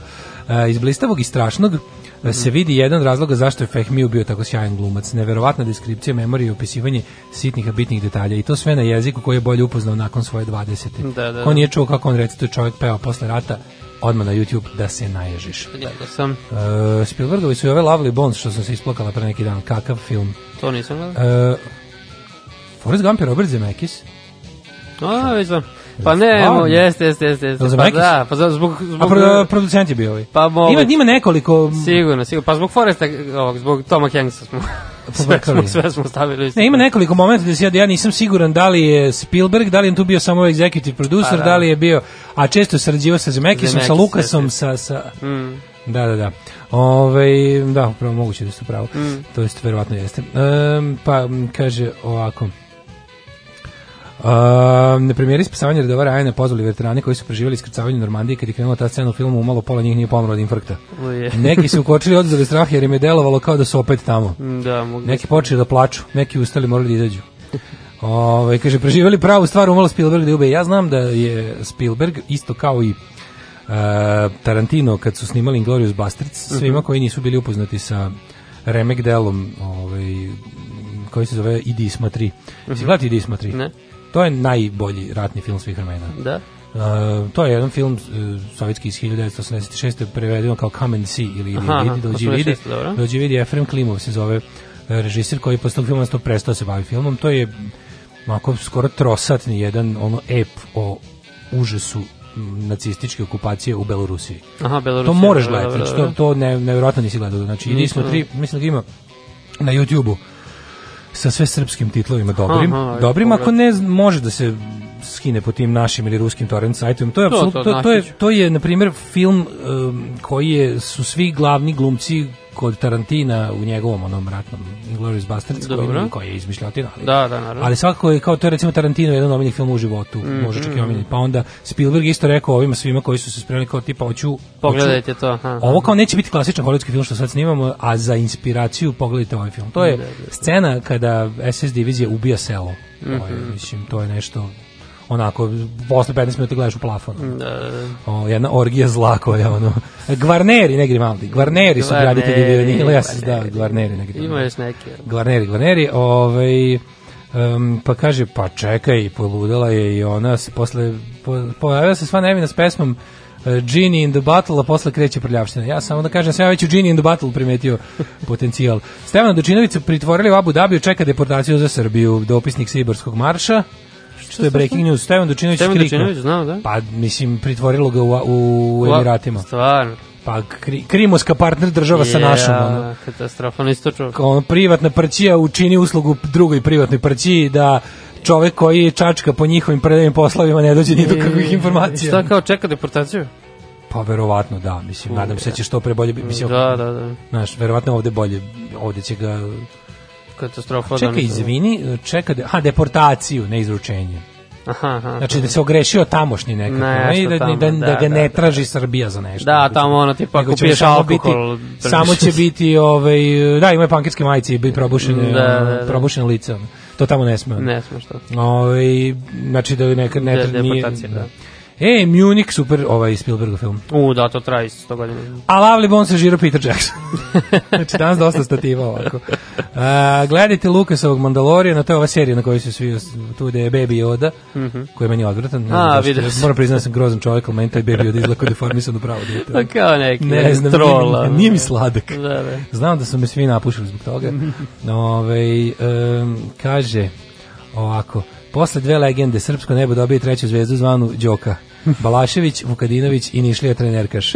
Sviđa mi se kako polako preuzima alarm i uzbudilnik, izdrži legendu, ni njihova sveće neće goreti do veka, do Hvala, godine u alarmu, samostalno. Samostalno. samostalno, dobro. Ili ima neka pankirica za vikend u gradu, pita Krčedinac, šta ima kod tebe u kafani? Ja, e, kod nas ima samo neki metal u petak, a u su- subotu nema ništa. bolje. Da.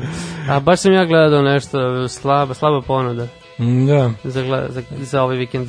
Baš sam teo da idem sad. Mlađani polako da spremi pitanje i teme za obradit kad dolazi erotski pregled. Ja, ja nisam Da, rekao da, ponovno, da. ajde ne dođe. A, pa doći će, pa ne, pa mora doći. Pa, kad sam radio s mlađom, bila pobuna što nije došao. Nisam mu rekao da ne dođe. Ajde mi da vidimo, ovaj, molim te, e, šta imamo u, u, u novinama. A čekat ćemo, hitmet smo Ajde, hitno da upravo ću. Na hitmet. brzinu. Ajde, može, brzi hitmet. Ne mogu da puštam sad džingl, kreniti. ovaj Ajde, znači, hitmetom. E, Palić 4, Sombor 5, iz nekog razloga imam, sve, svi gradovi mi pišu po dva puta. Novi- Refreshuj stranicu kod mene normalno.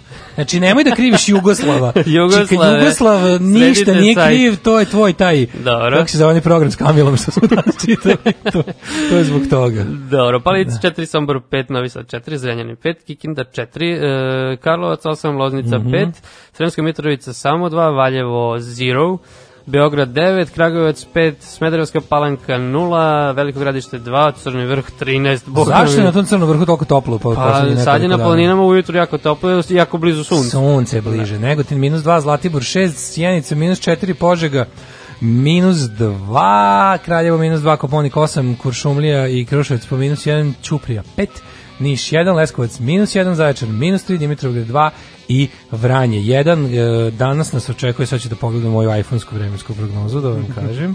Danas nas očekuje Pa, slično koji najviše dnevno će da bude, pa bit će 12-13. Preko dana može tanka jakna, Jeste, onda uveče se, malo da. hladni. Pa da, mislim, naredni dan do kraja nedelje će biti najviše dnevno, tako oko 13, pa čak i 14. Super. S tim što, što je trenutno... Ovo piše da u Novom Sadu magla, što nije baš i tačno. Pa u ovom delu nije. Da, a sad otvorimo i novine. Ajmo, jedan kurir... e, Koji kurir? Koji kurir ti imaš? Čaj, Ode razlače ove Marjanoviće. Evo da imaju veliku ovaj, temu ko izlazi na izbore, ko bojkotuje, ko se premišlja. A sad pazi Blic, molim te. Kampanja protiv migranata se širi Srbijom. Ksenofobija e, sakupljanja političkih pojena na muci ljudi. Isti ovaj Blic koji je u ovo vreme prošle nedelje imao veliku naslovnu stranu, duplo veća vest je bila sa temom e, ekskluzivno, skandalozno, kako već ne znam kako su najavili, e, sve više migranata se zadržava u Srbiji. Pa dobro, oni su samo kritični, znači sad. Pa ja se nadam. Se. Mislim, nakon što ste ono nas naplašili da će brown ljudi da nas pojedu u zimnicu, sad ide, ide ono otprilike nije lepo biti protiv brown ljudi. Uglavnom, ovaj, uh, Dveri organizovale peticiju protiv centra za izbjeglice čiju gradnju niko nije ni najavio. A ne, meni je najbolje Čačku, taj da. kao Najbolje mi taj, uh, to, zbog toga su meni dveri najopasnije, jer imaju taj globalni fake news, Fake news, zašto? alt, uh, right, govnarski moment, da izmisle problem ko- kome će oni da budu rešenje. Da, da. Što mi znamo sprema se, imamo mi tajni plan svetske vlade, naravno smo uvijek jevreji toga, i, a Vučić se sa Merkelovom dogovorio da će Čekaj, bre, ti znaš da bi Srbija u tom slučaju morala napraviti veće ograde da spreči te ljudi da izađu iz Srbije, Da. nego što ove zemlje imaju ograde da ih spreče da uđu u njih. Pa da, realno. Drugo, ja mislim da ne postoji zemlja na svetu koja sme da ograničava pravo ljudima da iz nje izađu. Mislim, znaš, Da izađu, da, da. da. Ako, je, ako, je, ako su ušli u nju, treba da mogu i da izađu, naravno. koliko ja znam. Da. Pa dobro, mislim, oni će vratno to i tražiti. Mislim, postoje drugo. Severne Koreje koje stvarno Da. tamo ni fizič, zakoni fizike ne Da. važe. A ne nešto drugo. E, kod mene su Marjanovići koji drže kumu kao robinju. Znaš šta? Marjanović drže kumu veru kao robinju. To je na naslovnoj strani kurira Jel ima ogromno. neke pola fotke? strane. do, Ovaj, Nije, nije ništa Nije primamljivo, apsolutno. neka tuga je samo. Da. O, jebem ti. E, ima patrijarh za kurir.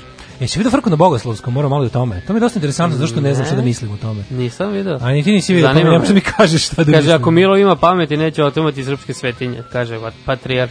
Da, to sad nešto opet... A, to, To opet, a, ako- papa će da dođe u Crnu Goru. Jes, jes, jes. Ne znam kada, ali po- potvrđa. Novi skandal na suđenju direktora namenski juče nisu bili, nije vuglio radnike da ga podržavaju. A ček sad su izmestili oni, kao i za jutku, jel? Nije više tamo. Bilo u Ivanjici. A ne, u stvari, da, sad ovaj ne dovodi samo. Ne, da. nego samo nije doveo, Da, ali je da, stigao da ispadne govno. Jel ja? Sve snimak. Ne. Se dere tamo na one ljude. Ne, Kad ulazi u kola službeno. Pa drao se na... na... nisam, nisam. Ove, Da, da. katastrofa. Idemo sada, pazi. Sad je jedan revolucionarni blok koji se sastoji od jednog od jačih ovaj, naših stingera, praćen revolucionarnom pesmom grupe Baboon Show. U manifestu komunističke partije Karl Marx i Friedrich Engels su iznali osnovne principe naučnog socijalizma koji će postati ideologija radničke klase u borbi za socijalizam. Alarm sa mlađom i Daškom.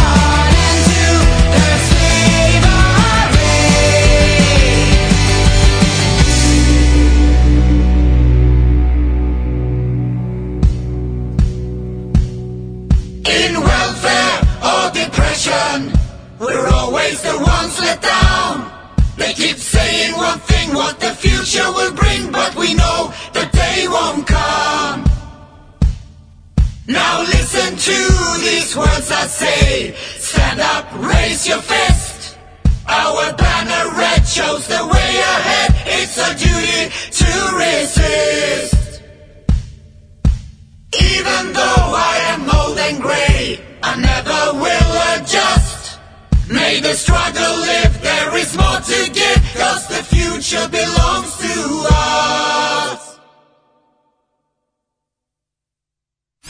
Privatni fakultet za studiranje menadžmenta u medijima i medije u menadžmentu.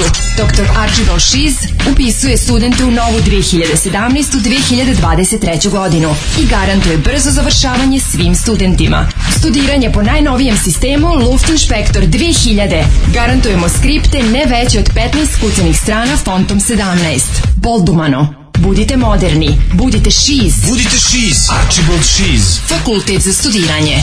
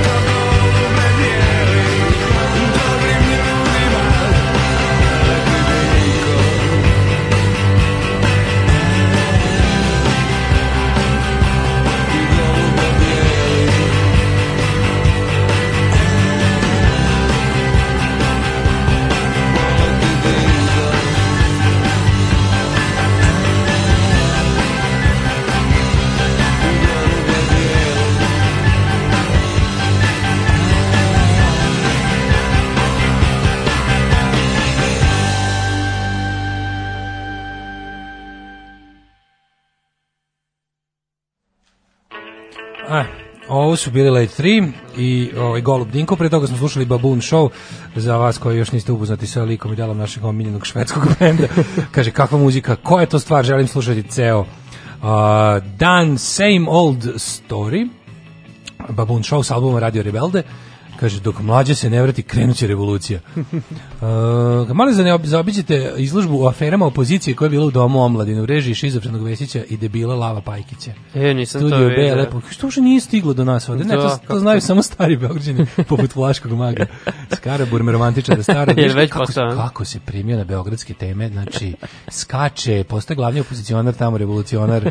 Znači, ja, ja ne znam da li ima, da li sastavio dva meseca ili, ili ima dva meseca. Dovoljno, dovoljno. To je već, znači, u brine, da li ima trole 28, pešaci nisu maratonci. Pa juče bio protest. Ne, ne, radovanje, znači ne može. To je, za mene tu stvari nekako logično. Ja sutra da se preselim u, u, u ne znam, u, u Turku, u, u Finskoj i tamo da krene neko da prekopava park, ja bi se odmah prebacio na tu borbu. Pa naravno. Pa. Mislim, tamo gde živiš, tamo se boriš, Logično. tako? Ne daš ono što ti ovaj, deluješ, kako se, buniš se globalno, Deluješ praviš lokalno. sranje lokalno. Da.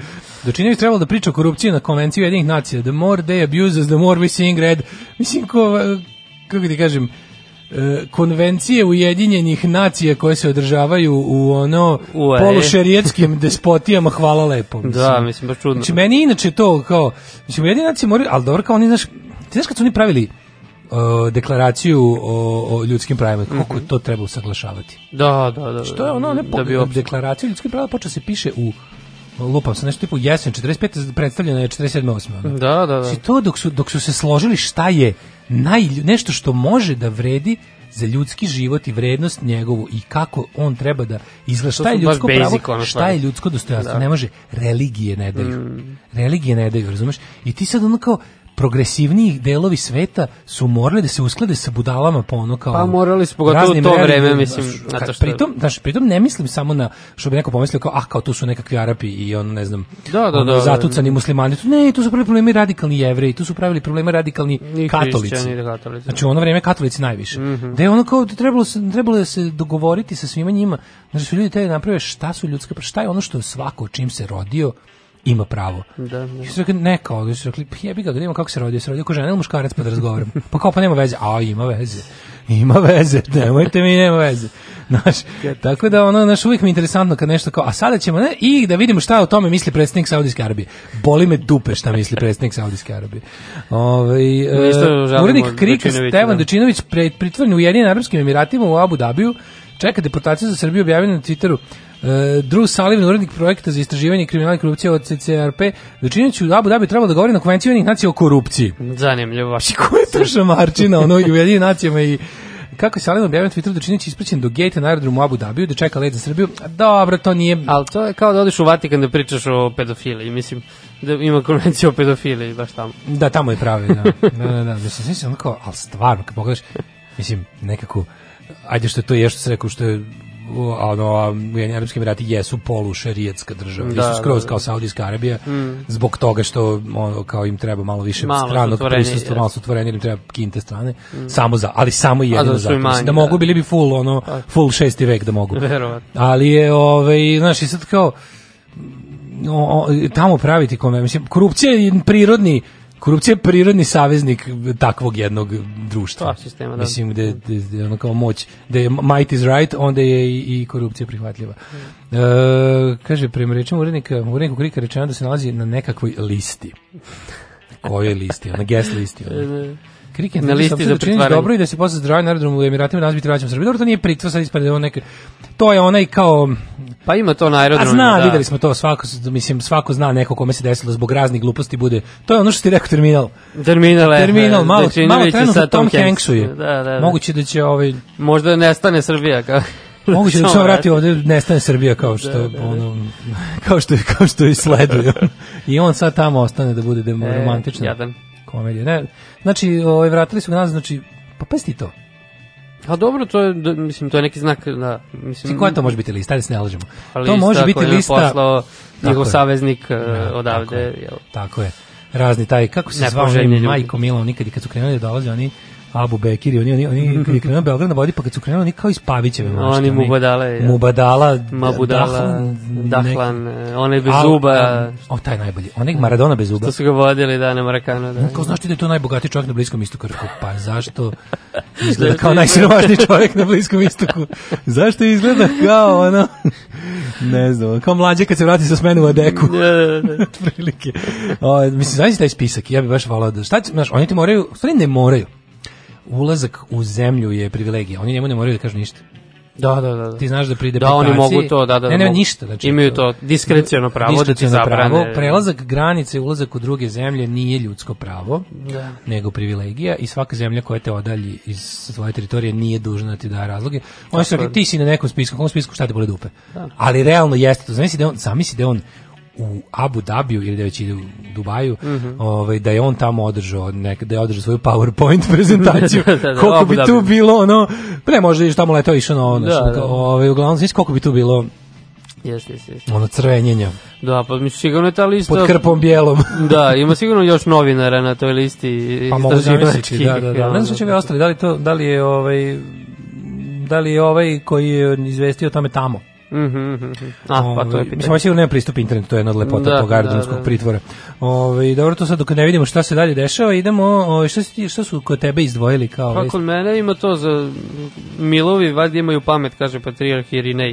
Odustaće od otimanja SPC. Znaš šta je meni tu, a odustaće od otimanja se. Da. da. Znaš tu priču šta se dešava, kao će da stave To traje već neko vreme. Da, kao šta je Crnogorska država hoće da stavi Pa šapu na ove... Hoće da stavi šapu na, na hramove istorijski važne i da ih stavi kao pod zaštitu države. Ne Pod da, zaštitu, ali... da ih stavi, pa ne, da ih stavi pod to da, da Da padaju pod crnogorsku kulturnu baštinu, kako već. To ne, ide. nije to važno, nije to njima važno. Njima je važno da, Hoće da pošto crkva ne plaća, posed. pošto, znaš šta je fora, fora, što ogromne pare. Znači, Da. da. razumem. Pa to. Srpska pravoslavna crkva, recimo samo od Ostroga prihoduje nenormalno. Da, da. I tamo radi stvari koje ne bi smela da radi. Mhm. Odnosno, koristi svoj ekstra pore, o, ek, ono, vano porezovani po, kako se to kaže, ima to neki izraz na engleskom tačno, kada se izuzeto, ta, tax exemption. mislim. Aha, da, da, da. Koristi taj svoj tax exemption na, na foru religije i ono, bavi se sa 66 privrednih grana visoko profitabilnih i sada bi crnogorska država bi da napravi varijantu da pod nekom vrstom ugovora se takve stvari rade da se ne da se oni ne zaklanjaju iza tih, nego da kao država bude upravitelj time kao e, kao kulturnog spomenika. Da, da, da. Znači to i dalje je aktivna crkva srpske pravoslavne crkve. Jasno, Nema jasno. govora o nekakvim što su kao lagali da je neće prebaciti u crnogorske Mm. pravoslavne crkve. Ne, ne. To je e, predlog zakona o tim kao verskim slobodama predviđa da država se ume, umeša, odnosno da počne da prihoduje od, e, od tih stvari kao od spomenika, od spomenika Mhm. kulture koji su komercijalni. Da. Ali da to i dalje bude sve što je sve što je aktivni manastir, da i dalje bude aktivni manastir u kom se Da, vrši dobro, to naravno. obred po potpuno Da, isto. kao Samo da se na neki način ugrade ovi. Ba to stavljaju šapu. da, da država uzme nešto. I sad to je bilo, ovaj, naravno da je Srpska pravoslavna crkva i mitropolija Primorska to predstavila kao došao je Milo da nam uzme manastir. da stavi metu na čelo Vasilija Ostroškog. To je, to je Tako ovaj, bilo, da. Znaš, mislim, oni se, to je nešto što bi, po meni, to je nešto što bi trebalo, mislim, ne, to je teška fantazija, to je nešto što bi Srbija trebalo da uradi. Mislim, Da, da. ako ti izuzimaš, znaš, mislim, ako si, ti, ti, ti privređuješ i mlatiš ogromne pare, stalno se vad, va- ono vadeći na, na to da si ti, ono, služba nevidljivog čoveka na nebu i da zato treba te, ono, svi gađaju parama, Znaš, a s druge strane, od države, isto- država isto pomaže crkvu u našoj zemlji, što je potpuno Naravno, naravno. I ona kao stalno, meni se U velikim kao pozivaju se na sekularnost u smislu kao nema, pa mislim, ne, ako ćemo sekularnost, onda nema da šta kao crkva da plaća državi. A država ima da plaća crkvi. A, markice. Znaš, i sad ima ta situacija, a s druge strane imamo ovaj uh, jesi ti znao, recimo ja to do juče nisam znao da je kao koji je odnos bogoslovskog fakulteta i države? Nisam, nisam, evo to... Sada recimo da ne znaš. Da, kako da, bi da. ti opisao šta je bogoslovski fakultet? Da, Da, je to pogrešno. Ja sam ga bukvalno zamišljao onako, da, da, da li je nezavistan skroz od? Šta je bogoslovski fakultet? Čekaj, Gde pripada, komu je osnivač? Da, vidiš, ja, sam, ja bih mislio da je to crkva Ne. osnovala. Ja to isto nisam znao do sinoć, Mm. kad je počela uh, afera. Vidim da je ta, da, afera ima već neko vreme, sad sam malo googlao. Mislim, znaš, ono kao, uvijek mi je bez veze kada se te neke, te ne, sve, sve što, sve što je u suštini religiozna tema, za mene je nekako porazno kada stigne do do društva kao takvog, gde se mi moramo baviti njihovim glupostima, a s druge strane ti vidiš da to mora da te se tiče zato što je pod jedan uvijek možeš budeš na, na, ono, na braniku sekularnosti, kljakave sekularnosti ove zemlje, jer ovi traže što jači utjecaj u društvu, pod jedan, i pod dva tu volšebno nestaju pare. Naše pare. što je pretvaraonica, ono... Znači, da, pa to je u suštini sukob između Beogradskog univerziteta koji i... je sada prokazan kao nekakva pobunjenička institucija. Da. Još pogotovo od kad je podigao kičmu plagijata, ja. i podigao glavu od, ovaj, od da, Siniša Malog. Da, i oni sad moraju da staju kao u odbranu praktično te autonomije Bogoslavskog fakulteta, Da. jer tamo Ono što ja nisam radi znao, nešto. a verovatno i ti, a verovatno ni većina ljudi koji nisu Nisam baš upućeni, da je osnivač Bogoslavskog fakulteta vlada Srbije Mhm. kroz ovaj um, kroz um, Beogradski univerzitet. Da. Be, uh, ja sam bio ubeđen da je to neka vrsta Da je privatni fakultet. Unu, pa ne privatni, da je, da je, da, znaš, mislio sam da je, da je to, e, pogotovo od kad je kao liberalizovano obrazovanje, pa su Mm. počeli da nastaju privatni fakulteti i od kad su licence počele da bivaju izdavane razno raznim pravnim subjektima da, da, osna, osvajaju, da osnivaju svoje ovaj, obrazovne institucije i da ih kroz krajnje onako netransparentan proces Da. ovaj, pokušavaju uvesti obrazovni sistem onda sam ja mislio da crkva to bez problema uradi, pogotovo što, to, što nemaju fakultet za management, biznis i ne znam šta, Pa nego sad- imaju fakultet za, za njihovu temu. To je diskutabilno da li za da, da. Mislim, ali kao ono šta piše na, na limenci. Da, znaš. da, da. Kao šta piše baš na limenci. Mm. Ipak je to kao naš teološka ustanova, gde, Jest, se, iz, jest. gde se ne izučava nauka. E sad, mm. fore što dosta izučava i prava nauka, ti imaš tu pravih naučnih predmeta. No, no, naravno. Imaš tu ozbiljnih ozbiljnih To je istorijskih ozbiljnije od, od mnogih, verovatno, pa verujem, da. da se ne Mislim, recimo bolje bolje po tvoje lično obrazovanje je bolje završiti taj nego bilo skoro bilo koji privatni Sigurno, neki ono. Verujem da stekneš bolje obrazovanje. Da. Pogotovo što sam gledao kakvi tu profesori predaju, znači stvarno ima Imaš likova koji predaju, imaš profesora koji predaju tu su, recimo, Mhm. ono, vanredni profesori na bogoslovskom, a Mhm. redovni na filozofskom. Da, da, da. Znaš, ne znam, geološkom, lupam, ima to. Neverovatno je koliko crkva ulaže u to da, da dobro, Ali dobro, ovaj, nauči svoje službenike da, da sakrivaju istinu od ostatka sveta. ono, to je. I onda se kao sad dešava da je crkva koja se sve više uparila s državom, kao um, Vučić i Rinejsko pat- partnerstvo, koje je na jedan bizaran način ojačalo spregu države i crkve, kroz zapravo ono kao Vučić je kao jačajući sekularnost, odnosno smanjujući uticaj crkve koji je ova imala u zadnjih 20 godina, Da. da mu se ne pača u kosovarenje dalje, je došao do toga da je on neverovatno dobar sa, sa ovim e, vladikom, Mm, sa da, patrijarhom i, da. njemu lojalnim vladikom, a taj čije je nadležnosti kao oni imaju to, taj Porfirije koga znamo iz, iz kako se to zvalo, radio difuzno, onaj što je sedeo tamo RM, u, u Remu, da, što je da. sedeo, sad više nije on je zagrebačko ljubljanski valjda mitropolit. Mhm.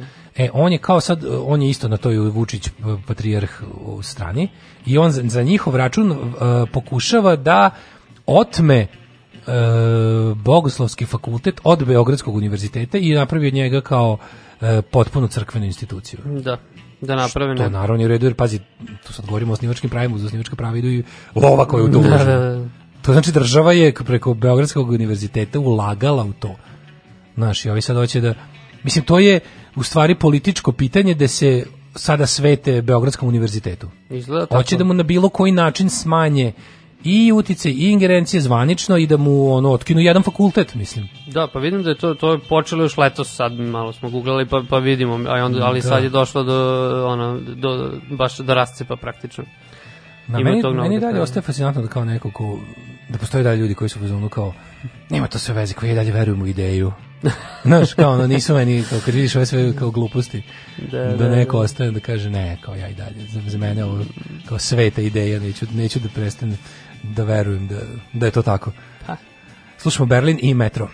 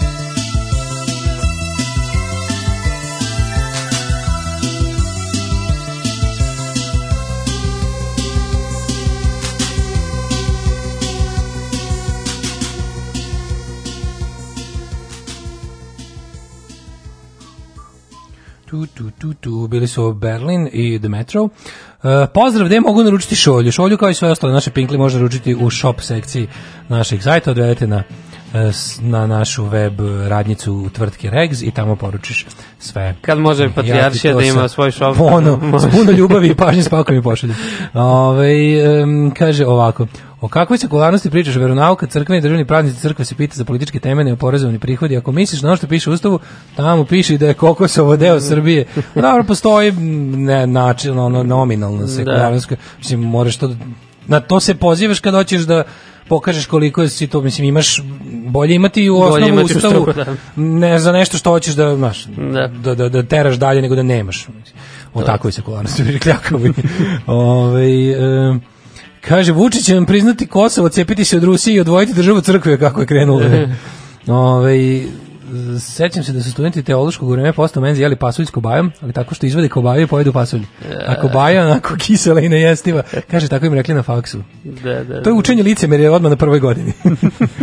Ove, e, smislio sam najbolji poklon za Daška voucher u pravoslavnoj knjižari u Zmajovini. A. Tamo, vi- da se da tamo uvek uđem kad prolazim. To je genijalno. Pa ja to, ja, meni to omiljen izlog u, u Zmajovini. Ja sam bio u Patrijaršiji u. Beogradu nedavno prvi put. Ja sam kao, vidi, Ti redovno ideš? Pa ne, ja sam, ja sam kao ono m, leptir ka, ka sijalici, ono noćni, onaj, kao mušica ka sijalici, meni je veliki fascinantno, ja priznam to. Mislim, Ja, ja, zato je i ono kao, znam toliko o tome jer me užasno zanima. Pa mi je ne- Mislim, meni je fascinantno da šta ljudi, šta ljudi ozbiljno shvataju. I po čemu ustrojavaju živote, celo svoje društvo, svoje države, svoje poslove. Da, da, da. To mi je potpuno fascinantno i bit će zauvek.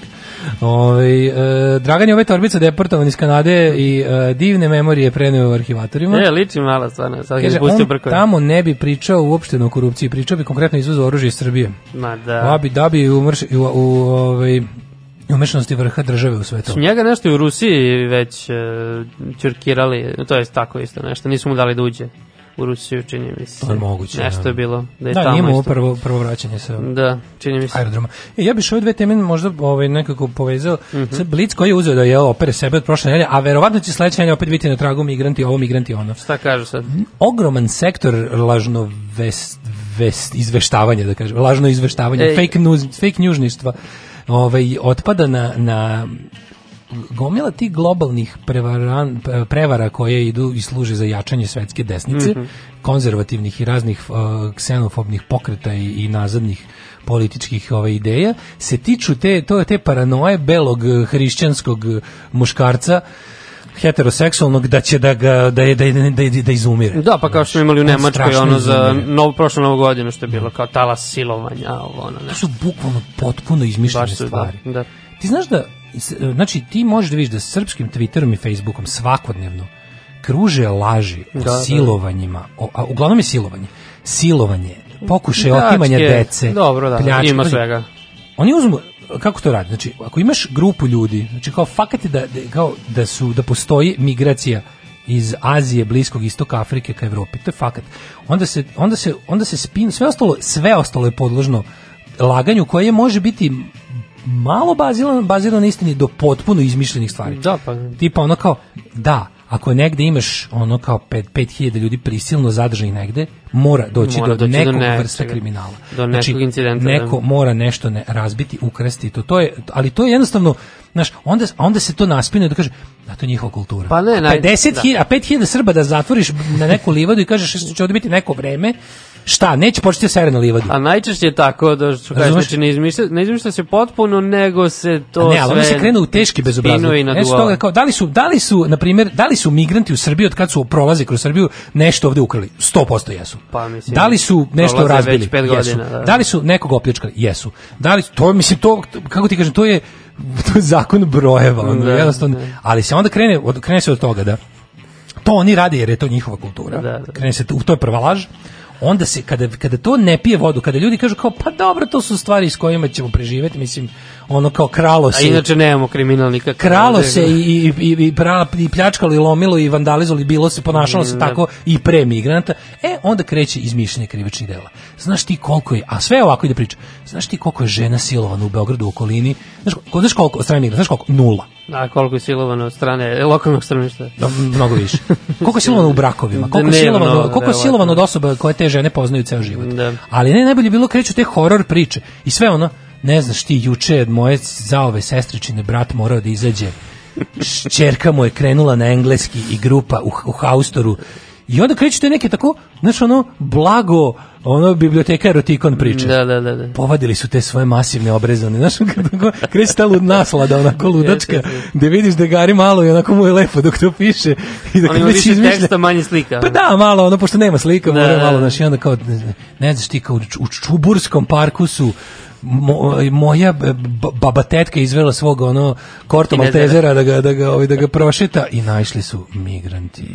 A znaš ko se to, tako ti neki razni levijatani, srpske desnice, Pa, naravno. te opsko primenjeni nacionalizmi, o- otačbina, streetwearovi, su ti to- koji prave, znaš, a onda se to, onda se Primarna delatnost. onda se to poveže sa kao tipa ako ste protiv bezakonja i pedofilije, dođite za naš skup. Kao, ja sam protiv bezakonja i pedofilije. Jesam, da da. vidim šta se dešava. Dođite na naš skup protiv migranata.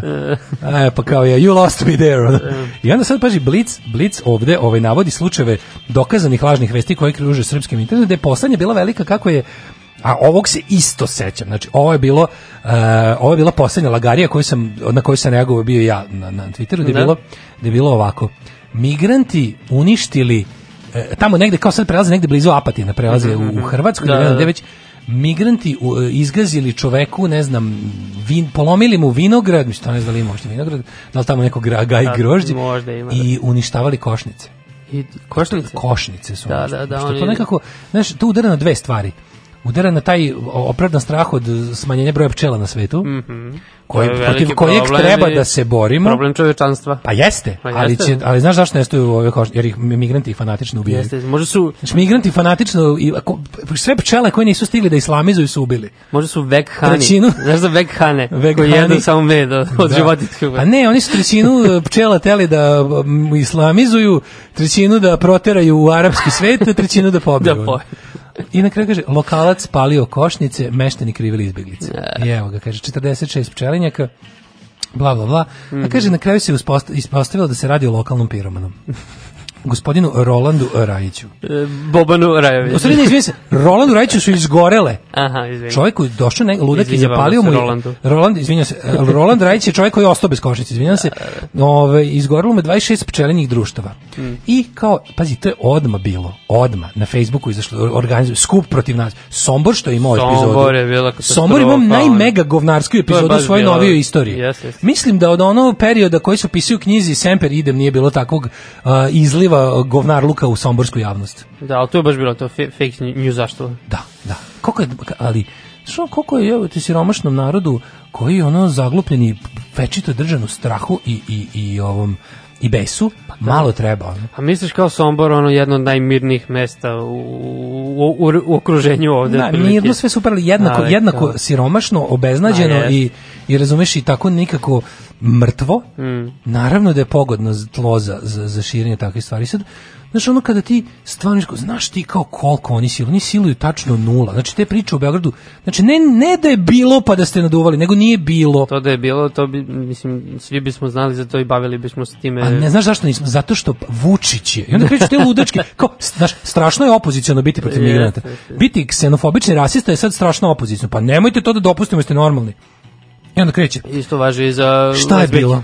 Šta je bilo? Oni to rade stalno. Mislim, to je ti ne znaš kakav je to haos. Znaš, policija ima instrukcije da ovaj, ih ne dira. Zašto? Onda drugo, to je sve deo tajnog plana koji je Vučić potpisao sa Jeste, Ne sme Merkelovom. policija da... da. I, znaš, S tim u vezi, Da. imamo jednu vest. E, Ajde. Novosadski fake news tragač dodelio nagrade Pinokio medijima koji su u prošle godine, to ove godini, najviše ob- obmanjivali javnost. E, hvala. Zlatni, srebrni i bronzani Pinokio stiće na adrese Informera, Aloa i Kurira. Ali kako mi imamo svoje, jesi ti primetio kako u, fake news je globalna stvar, ali mi imamo fake news uglavnom na globalnom nivou radi to kao pod, podpiruje ksenofobiju, rasizam, um, kao ide na ruku raznim uh, pretpostavlja se da većinu finansira Kremlj ili je to način destabilizacije zapadnih liberalnih demokratija. A sad da ne ulazimo, u- da. da ne ulazimo u ovaj u teorije zavere, ali jasno da, da ne- onako nema skoro da nema levičarskog i progresivnog fake newsa. Da. Sve ide na jačanje ovih stvari koje sam rekao. Ksenofobije, rasizma, um, nekakvog ono patriotizma u smislu ono zatva, izolacionizma. Dobro ima i pozicija kod nas svoj fake E, news. ali mi imamo, mi imamo dodatni taj kao uh,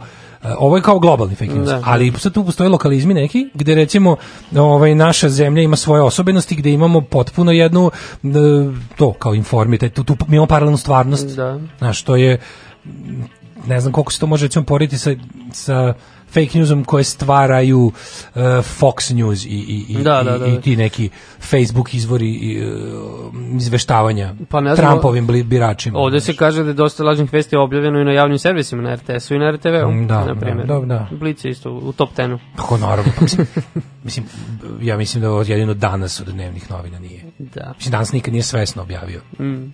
Ima svojih nekakvih propusta novinarskih, ali ne može se podvesti pod namerno objavljivanje ili, ili Jeste, naravno. naravno. ne može se čak podvesti ni pod neprofesionalnost, nego baš Da. pod konkretnu grešku, Mm. koja se desi. Dobro, može se desiti, naravno. Da. Da, Crni Pinokio je dodeljen uh, Žiki Šarenici jer je plakirao više od 50 kolumni i tako. Da, inače bilo je mm, proslava rođendana Novosadske novinarske škole, pa evo čestitam ovom prilikom uh, drugaru Zoranu Strikina uh, nagradi za najboljeg mladog novinara. Čestitamo, čestitamo. Da, i ovih kao dodeljuju, znaš, kao ali znaš kako je interesantno, taj naš, taj naš fake news je uglavnom primarno, pri- prime directive im je slavljanje režima, ubijanje opozicije. S druge strane, imamo taj opozicioni fake news, koji mnogo više liči na taj globalni fake news. Jer Sve što dolazi iz te kuhinje, ti murarizmi i Boško Obradovićizmi su mnogo više u skladu sa tim Breitbartom u Americi, Da, sa, da. sa tim raznim ludačkim desnim ono neofašističkim e, plašilačkim sajtovima i Facebook stranicama koje se pojavljaju i nestaju, ali u svom kratkom trajanju odvale neki ono Cambridge Analytica e, ovaj istraživanje, plate masno nekakav oglas koji ima rič od milion no već ono prajmovanih budala za tako nešto i napravi štetu. Usadi neko idiotsko verovanje koje čoveku čuči u glavi kad treba da glasa. To, to, to, to. A Mislim, to, to me baš nervira kad vidim te, te, te opozicijne, baš su neko jadni. Mislim, često Jadni bude baš... zato što, zato što nekako vidiš vidiš, u tome vidiš istost, razumeš? Mm. Vidiš koliko postoji malih Dragana Jevučićevića spremnih da. da, da rade Da to preuzmu. isto. I da, znaš, mislim, moti, mo, ja tačno mogu da zamislim ono, kako ti kažem, nekakvog ono Jeremićevskog Dragana Jevučićevića. Da. Mislim to su ti ne, ti nekakve ono ništarije po Twitterima za sad. Jer nemaju jednostavno to- im je ono režim im je sužio polje, polje borbe, ali tako ti neki operativci iz Zemuna. Znaš tako ti, ti razni likovi, to to je stvarno Jest, onako Twitter je baš prepun, prepun to. ali super, super, mislim, fora što Twitter se samo osakatio i, i, i lišio sam sebe mogućnosti da bude uticajno nekako oružje za oblikovanje društva time što dopušta takve stvari. Pa, da, teško, teško je kontrolisati. Da. Idemo da čujemo Wild Hearts pa ćemo da vidimo nekog grebe na vrata. Aha, to je.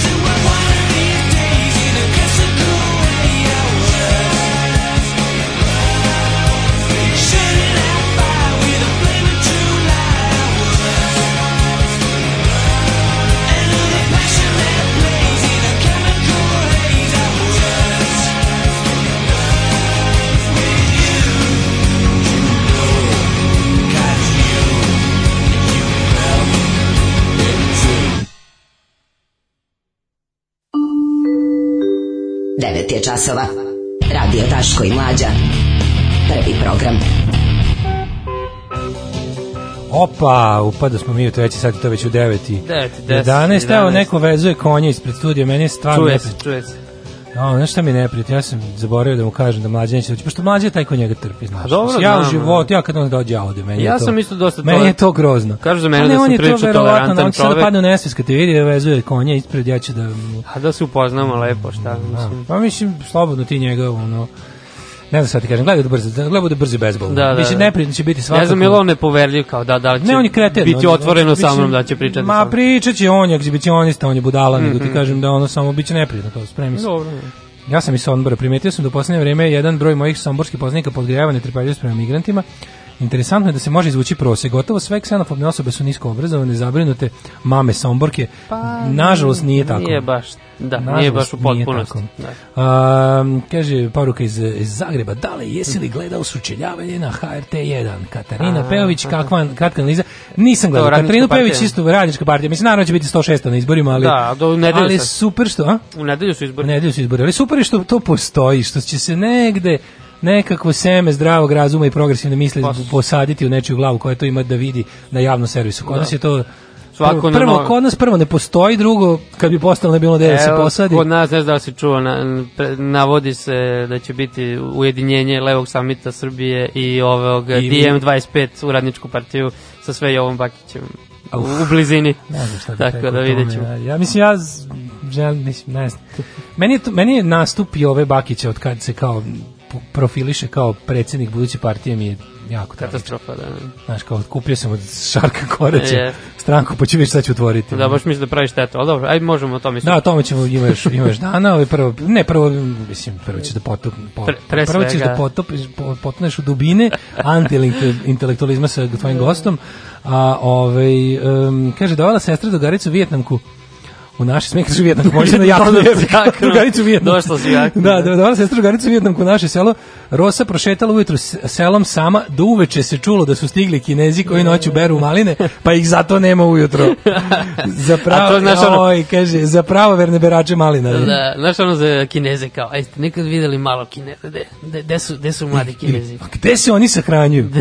Jebote, to su tako kao, kao šta, da, pa, pa ono pročitaj nešto majku mu, ono, o bilo čemu. Kao nemoj odmah, nemoj odmah krenuti sa, hmm, ko mi radi o glavi? Ajde, nekad pretpostavi da nešto nije tako. Ono, kreni od ono, ovo, slušaj ovo, Rolandu Rajiću, klijent mi je, su, je pčele zapalio isti lik koji je pre mesec dana ubio ponija i magarca na Salašu. Uje, To je, psihopata, da. to je teški psihopata koji, ovaj, znaš da je on neki point blank ubio? Da, da, da. bio ponije i magarence čoveče.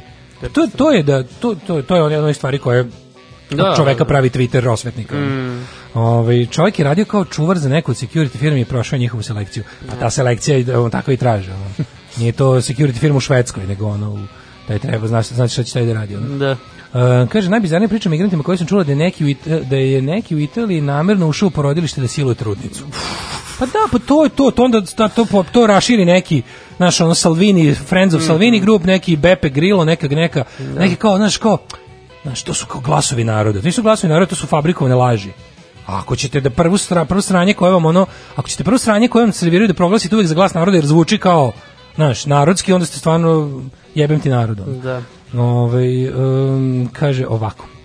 Uh, još neki teo sam da pročitam. Kaže, kako nema levo varijantisnog fake newsa, a hemijsko naoružanje Sadamovo, pa to je par excellence da. desničarski fake news bio. ono. Da, ne to su znam. neocons ono izveli. Da, ne znam zašto je levičarsko. To, što bi to šta je tu levičarsko bilo? To su izveli ono kao američki republikanci i to najdesnije krilo u, u, u vlasti, takozvani Ja- ja, jastrabo. neocons, the, the war hoax, da. Ove, uh, pa ništa, eto sad čujemo dve pesme, pa onda da ti Bogu pomoći. Ajde, ti odmori malo.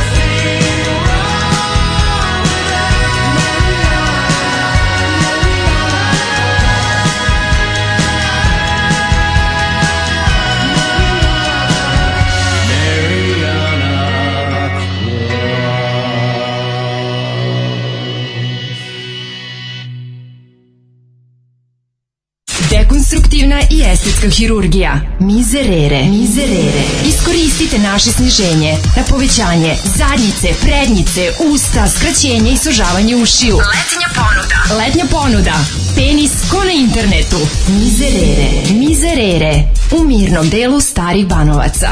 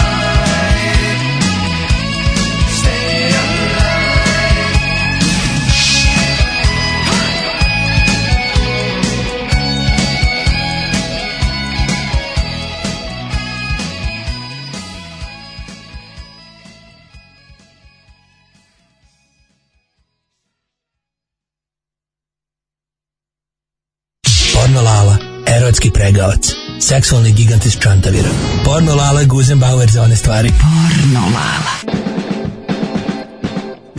I evo nas nazad u 9.24 sa nama ovde konačno Koje, gospodin vi, da? Porno da? Lala. Dobro jutro, Derane, Dobro. znači da se upoznamo, ja sam Čika Porno Lala. E, vama pravo ime Porno, a Lala prezime? Ili? Jeste, znači ja sam i stari čantavirski seksualne pregalačke porodice, a koji ste izvinili što e, moram da budem ovako neprijazan. Ja sam Đorđe, drago mi je. A, ti si pa to. Su vam pričali. O, da, ja tebe, Derane, pa ti si čoveče, pa tebe tvoja reputacija preskače, da ne kažem prethodno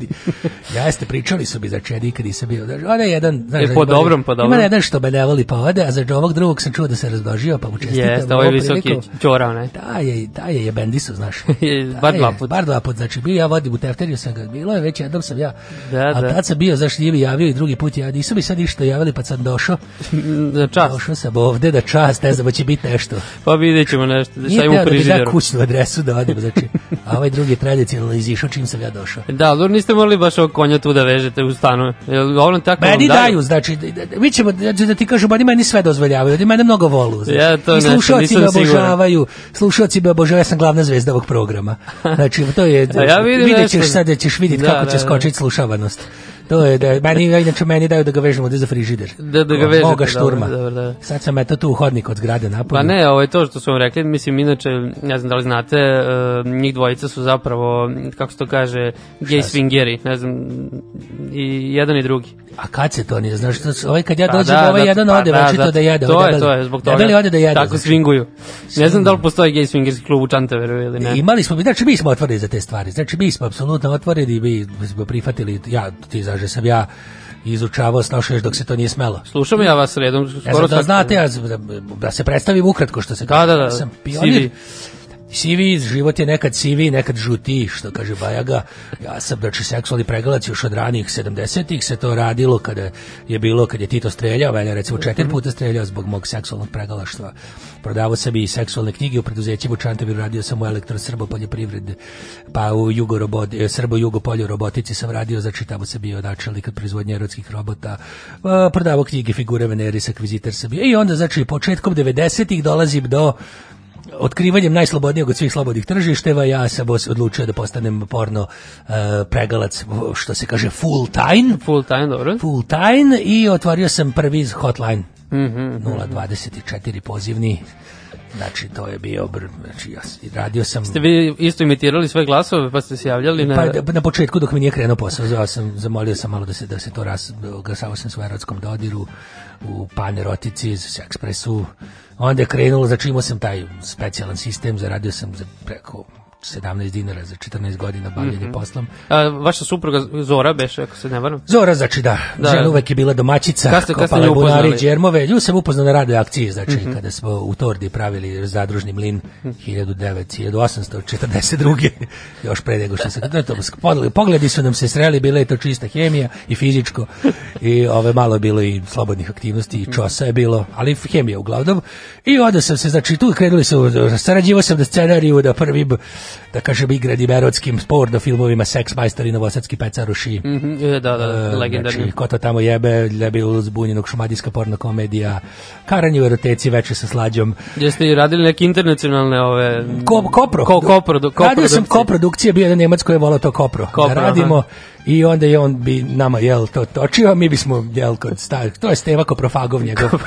Steva Koprofagov stari Da, kopro. da, koji je prve te koprodukcije radio, znači mi bismo se svi sakupili kod Đerma ujutru kod Gazda Nemanje bismo otišli na jednu kafu da nas protera i onda bismo snimali, bilo je, kaže bi koprodukcija. I tako uvodio sam, e, legenda sam, uvodio sam prve, da kažem i Dani ludog snošaja, to je Da, da, da.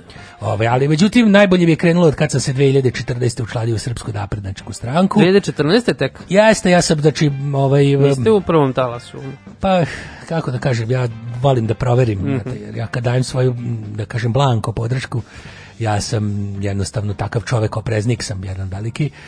I ovaj od, tad je krenulo, tad je krenulo brže i dublje i jače i čvršće i bolje i i sve ostalo, eto sad sam i neka njuška u selu, tako da Da, je li dalje, Ide, znači, kod jel- trlja. Jeste vi osnovali tu nedavno, tu, kako se zove, u- snu- snušijadu u Čantaveru? Snoša i jada. Da, pa to su bili sklopu, dani, da. dani ludog snošaja su bili prvo, to su bile memorialne orgije za našeg predsjednika prvog, Mhm. kad smo snivali to naše sadomazo društvo Patnja iz Torde, gdje smo se svi, znači, jel, jedne druge maltretirali za novu godinu ili prvi maj, obično bi se dašli, ili srpsku novu godinu tajno smo se mučili i onda je on jednom išao baš na orgije, međutim obnevideo od ovih sredstava za, za erekaciju ga je, satro ga je šido obuzu još dok je išao.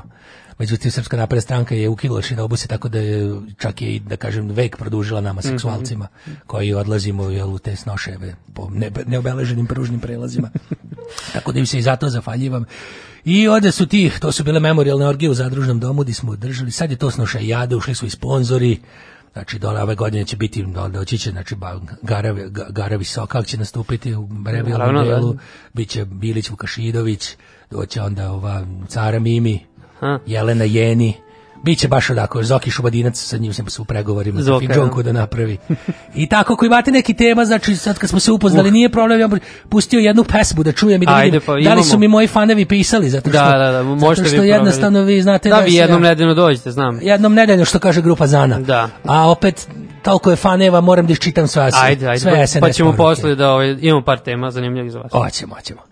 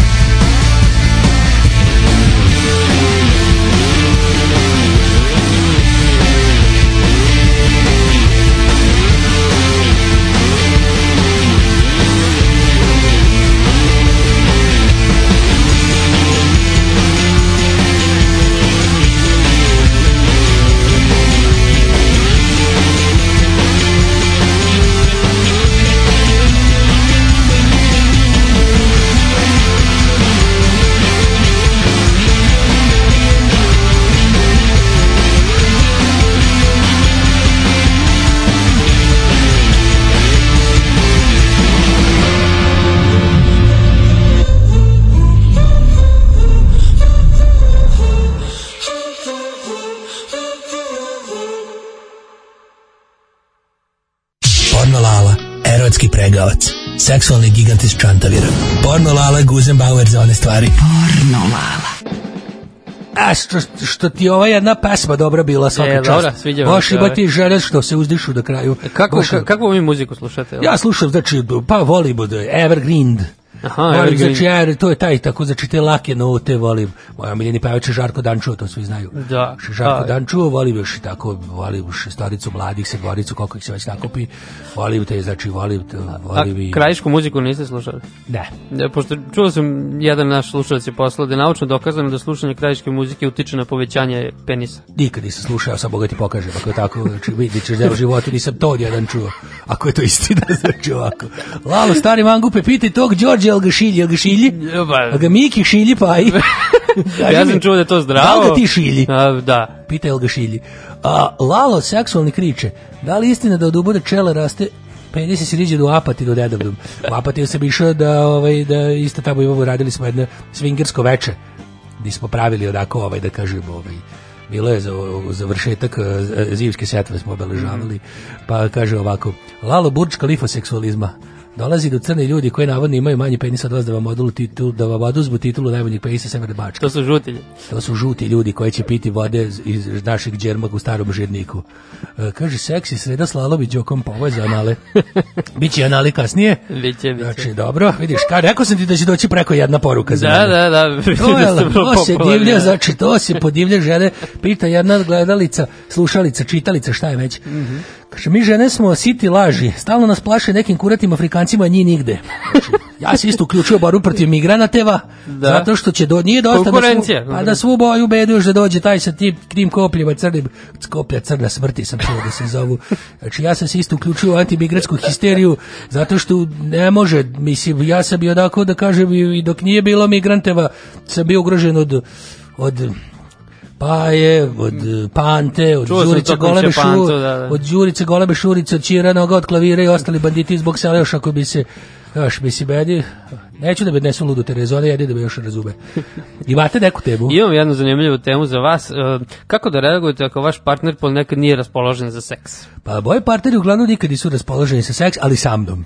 Znači, to je pr- problem koji me plati, prati ceo život. Individu, to je individu- individualna To stvar. znači da bude individualno. Znači, Da, da, da. interesantno je to, to od žene do žene. Recimo žena, to je jako interesantno, to je nauka ubeležila. Mhm. Kaže, nije raspoložena u seks, ja odem, dođe neki drugi čovjek, a ona je raspoložena za Da, seks. da, da. Neverovatno.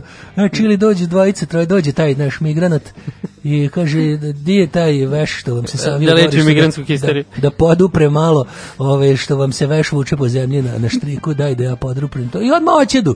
A ja pored donosio, znači, i ove, i bam, bambunjere, i, i cveće, mete, i, i sve, a i volele glava. Ali, gospodine Porno, znači, ovo je, e, ovde se fokusiraju na e, kad, to kada muškarci nisu raspoloženi za seks, da pa tekst je o nisam, tome. i dešava se i to. Kaže- Kaže, Ste vidio moju zoru nekad? E, nisam vidio, samo sam slušao.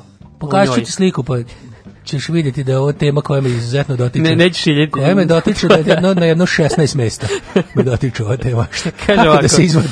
čak i najpremuskvitetniji muškarci, ne znam da li vi spadate u te, Ja sam promujusku tej, prosk, proskibuju i te, te itan. Proskitate ponekad? Promujusku tijata, to sam. Da, kaže, čak i oni do, ponekad dođu u fazu kad im nije do ljubavisanja, baš tako piše. Jeste, hoće čovek nekad i nekog... Možda je ovo Zora pisala ovaj tekst. Iva topla ljudska reč nekad više znači. Znaš, da je raspoložen čovek. Znaš kad meni u crko video, ja sam Mhm. bio tučen četiri dana. Nije mi bilo ni do čega. Ja, ovakva seksualna mašina, večito podmazana puna goriva, sam uzeo da budem tužen. I onda mi je bilo, tako da razumem. Posle razumem da četiri može, dana, da. Može, četiri dana. Seksolozi kažu da nema razloga za brigu i savjetuju ženama da u tim situacijama imaju razumijevanje, tako da možete reći Zori, slobodno. Jeste. Kaže, nedavno je sprovedeno istraživanje pokazalo da mu- muškarci na seks ne misle svakih 7 sekundi kako se mislilo, već da im Ne. to prođe kroz glavu samo 19 puta dnevno. Jeste vi 19 nekad računali, jeste vodili? Pa ja sam vodio sam znači taj neki da kažem ovaj kao neki balans seksualni bis. Bilans balans, Mhm. bilans sam vodio. Bilans. I onda sam ja to pisao koliko meni pade seks na pamet, znaš šta se između, šta se... Seksualni dnevnik. Inače nisam baš brz, što bi se rekli. Meni Mhm, svaka misao mi treba da... Ne mogu ja na 7 sekundi ni šta da mislim. Da, da, da. Znači, meni se misao Dok ne stigne da mi se, sazri. meni misao ne stigne da se formira za 7 sekundi. Znaš, evo sad gledam tu iza tebe i ne mogu da tačno kažem koje boje je ova zgrada iza tebe dok se ne sjetim tačno. Tako da ako bi sad recimo prebacio se da seks To bi misao malo moralo da spričeka da se da sazrije u mojoj u Tako da, glavi. dobro, onda je 19 puta okej to. Pa da je moguće, znači, da. Dobro, iako ni ta brojka nije mala, kaže to niko ne znači da muškarci odmah žele da naskoče na bilo koju osobu ženskog pola. Jeste vi nekada to osetili da, na, da želite da naskočite na, Ovcu? Znači, na bilo koju osobu ženskog pola? Da, mislim. Pa ženskog pola da, ali ne mora da bude osoba. Da, da, da. Znači, da. samo da je ženskog pola. Samo da je ženskog pola, da. Znači, dobro, to, to definitivno. Bila je junica, Znači, to nije tačno. steonih, znači bilo je lepi mravo jetkinja. Svašta je bilo, da ne pričam sad. Bio sam mlad. Da, kažu ovde uh, stručnjaci, novinari, uh, trenutna kriza u zemlji je takođe razlog zašto su Ova ljudi... situacija, znaš, jeste. To je takozvana ova situacija. Da, kaže, generalno su mnogo manje zainteresovani. Jeste, ja sam se na ovu situaciju, to je, znači, zbog nje sam smanjio higijenu, zbog nje, ova situacija uvijek preporučujem, znači, za izgovor za sve. Tako da se Što se bendišete neko dok uh, nam Ne mogu, ne mogu dok nam uzimaju. Kosovo, dok Da. nam upiru puškom na naslovnim stranama novine NIN. Onda dok, recimo, dok po svetu blatidu predsjednika, dok ne uvažavaju digitalni autoput što je otvorio. Ja ne mogu pri takvim muslimima da jebam, ne mogu. Da, kaže, muškarci su često to crpe iz uspešnih karijera svojih ovih. i Jeste uzela, moja sigurnosti. uspešna karijera uzela je danak u spermi, u krvi, u, u- uzela je danak, da kažem. Uzela je danak. Uzela je danak u, ovaj, u mene. Sam- Zakažete prosto u Održavanje jednog uspešnog hotlajna. Mene su zvale žene iz, iz Banata, iz Beograda, jedna čak zvala, tražila da ih vređam na nacionalnoj osnovi, da ih veđem, vrežem kablom od videa dok nije crko. Svašta su žene tražile. To je mene isprcljivalo. I ja sam jednostavno čovek bio umoran posle toga. Dođe Zora, kaže, ja bi ljubavi i nežnosti i seksualni avantura i, i grubosti i, A vama nije i perverzije erotika. Kaže, ti znaš ženu da mene malo pre zvala gospođa iz titela koju loži da namažem vaginu sve da je 40. Ja ne mogu, sam umoran čovek. Ovo je seksi sreda, sve od reda. Ich liebe deine Fleischpeitsche. Pornolala. Oh, ich denke schon. Seksi sreda. Ich bin zurück! On je moj majstor za poljubce.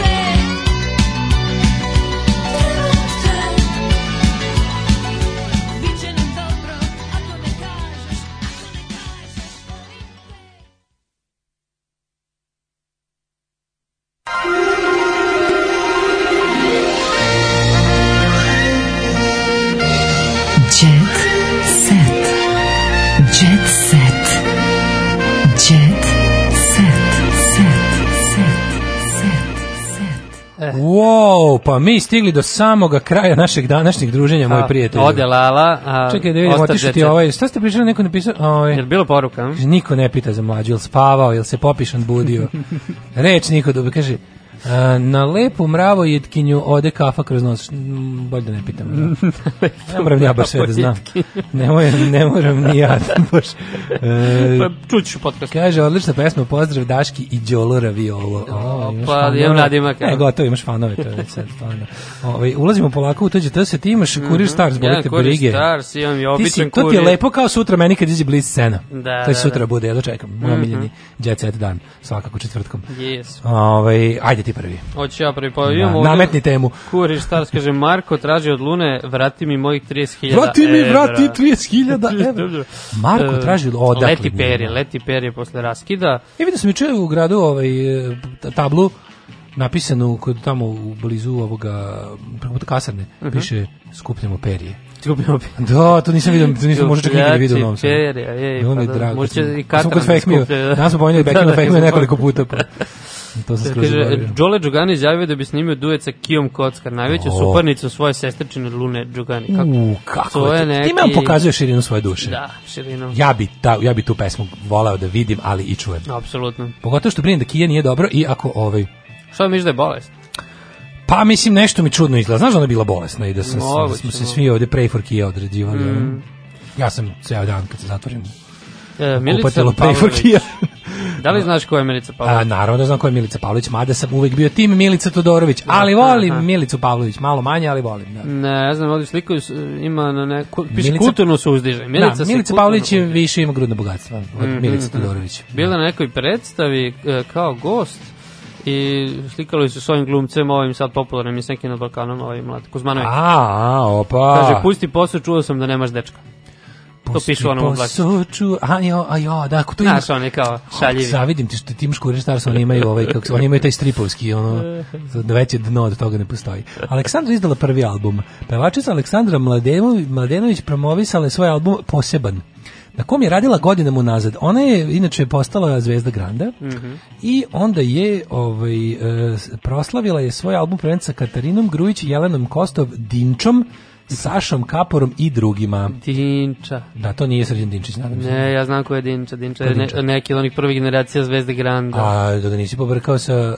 Suđemo da... Ne. Nešto pre 100 godina. Jel di, a, to je to. Bio je neki. Što bili neki... Neki lik onako, To je neki, to iz su- kladionice. To je bilo, pa svi tako izgledaju, nego to uvek ti- prvi godina Zvezdi Granda, ako sam dobro primetio, je bila gomila tih nekih kao iz bosanskih nekih ono Aha, i to aha. baš iz federacije su bili neki Moguće. znaš Pa neki Amar Gile je bio neki Aha. a sećaš Amar Gile Ne, ja sećam se Adnana Babajića.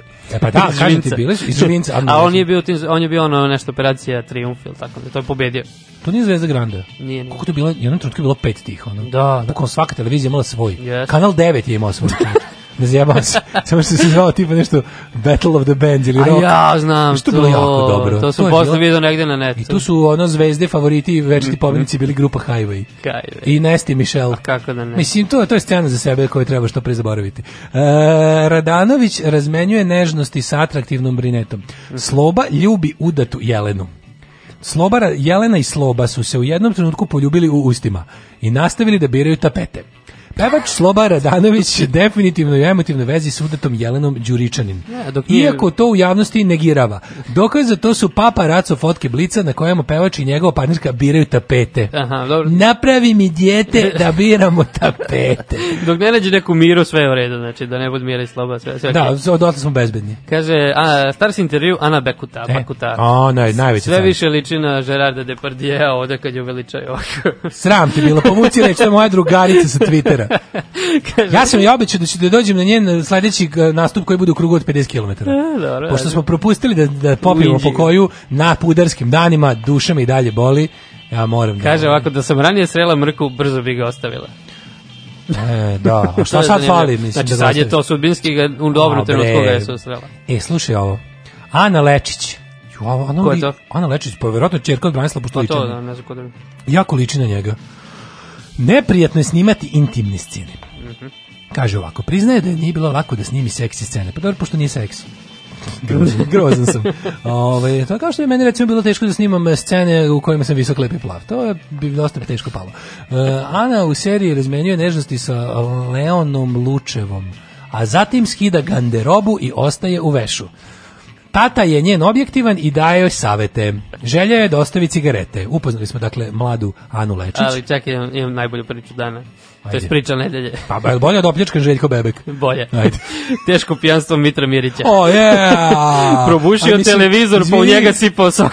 Nemoj me zajebavati. Pa kakav bog, pa što... Pa čekaj, stani, ispoče, sve ispočetka. Hoću celu ovaj stvar da znam. E, Mitar Mirić se toliko napio posle jednog koncerta u Australiji da je u apartmanu napravio haos. Dobro? Prema rečima našeg izvora, on je tupim predmetom napravio rupu u televizoru. Tupim predmetom napravio da, rupu u U televizoru. kojoj je potom sipao dve Od čega je litre taj televizor? Kada možeš, izvini, imam tehničko pitanje. Od čega je televizor kada možeš tupim predmetom da napraviš rupu u njemu? A to vi novi plazma, to je lako. A, od plazme. Da, da, da. se udubi očit posla. Da, da, da, kad je konzumirao alkohol gotovo svakodnevno, to je bilo ranije, ne sad. Meni najgore kad pijen čovjek misli da je smešno da sipa viski u akvarijum i ubije ribice. To je grozno. Ali, kada pijen čovjek da. probuši televizor i sipa kolu, Sipa gazirani sok, da. frutelu. Frutela ubija, ono, frutela ubija organizam mladi Kaže, televizor. za malo da mu otkažu celu turneju po Australiji, sve me kartice su bile rasprodate, ali ipak se to nije desilo. Sutradan je pevač pozvao svog saradnika i obavestio ga da u stanu ne radi televizor. Kakav bog. Kaže, sranje ti je program. Da. Jutro sam pustio, ima samo kola na programu. Samo Sprite. Samo curi frutela, kon- koji god kanal okrenem curic frutela s njega. Da, Sok je procurio na pod napravio karambol. Pa zašto on toliki kreten? Zašto toliki Bile car? su ugašene cigarete na tepihu, ceo stan, ceo stan je bio Pa u izvini, ovo su kao Motley Crue da je bio. Da, da, da. Znači, bukvalno, bili su ljudi u fazonu, bili su nam u ovom hotelu Motley Crue 85. i bolje smo prošli nego kad je Mitar Mirić pijan došao i, i, i jebo televizor. A ja imam Željko Bebeka koji je opljačkan. Ajde, čujem šta je bilo. Lopovi mobili kombi. A, je. A, jebem ti, pevač ili? Sad ćemo da imamo. Pa možda ima i kombi. Čekaj, ne, izvini, Alija Gaj Lešnik, pobrkao sam. Alija Islamović Gaj Lešnik, je, ja sam mislio da su kombi puni Lešnika, ali nije to. Ovo je Bebek.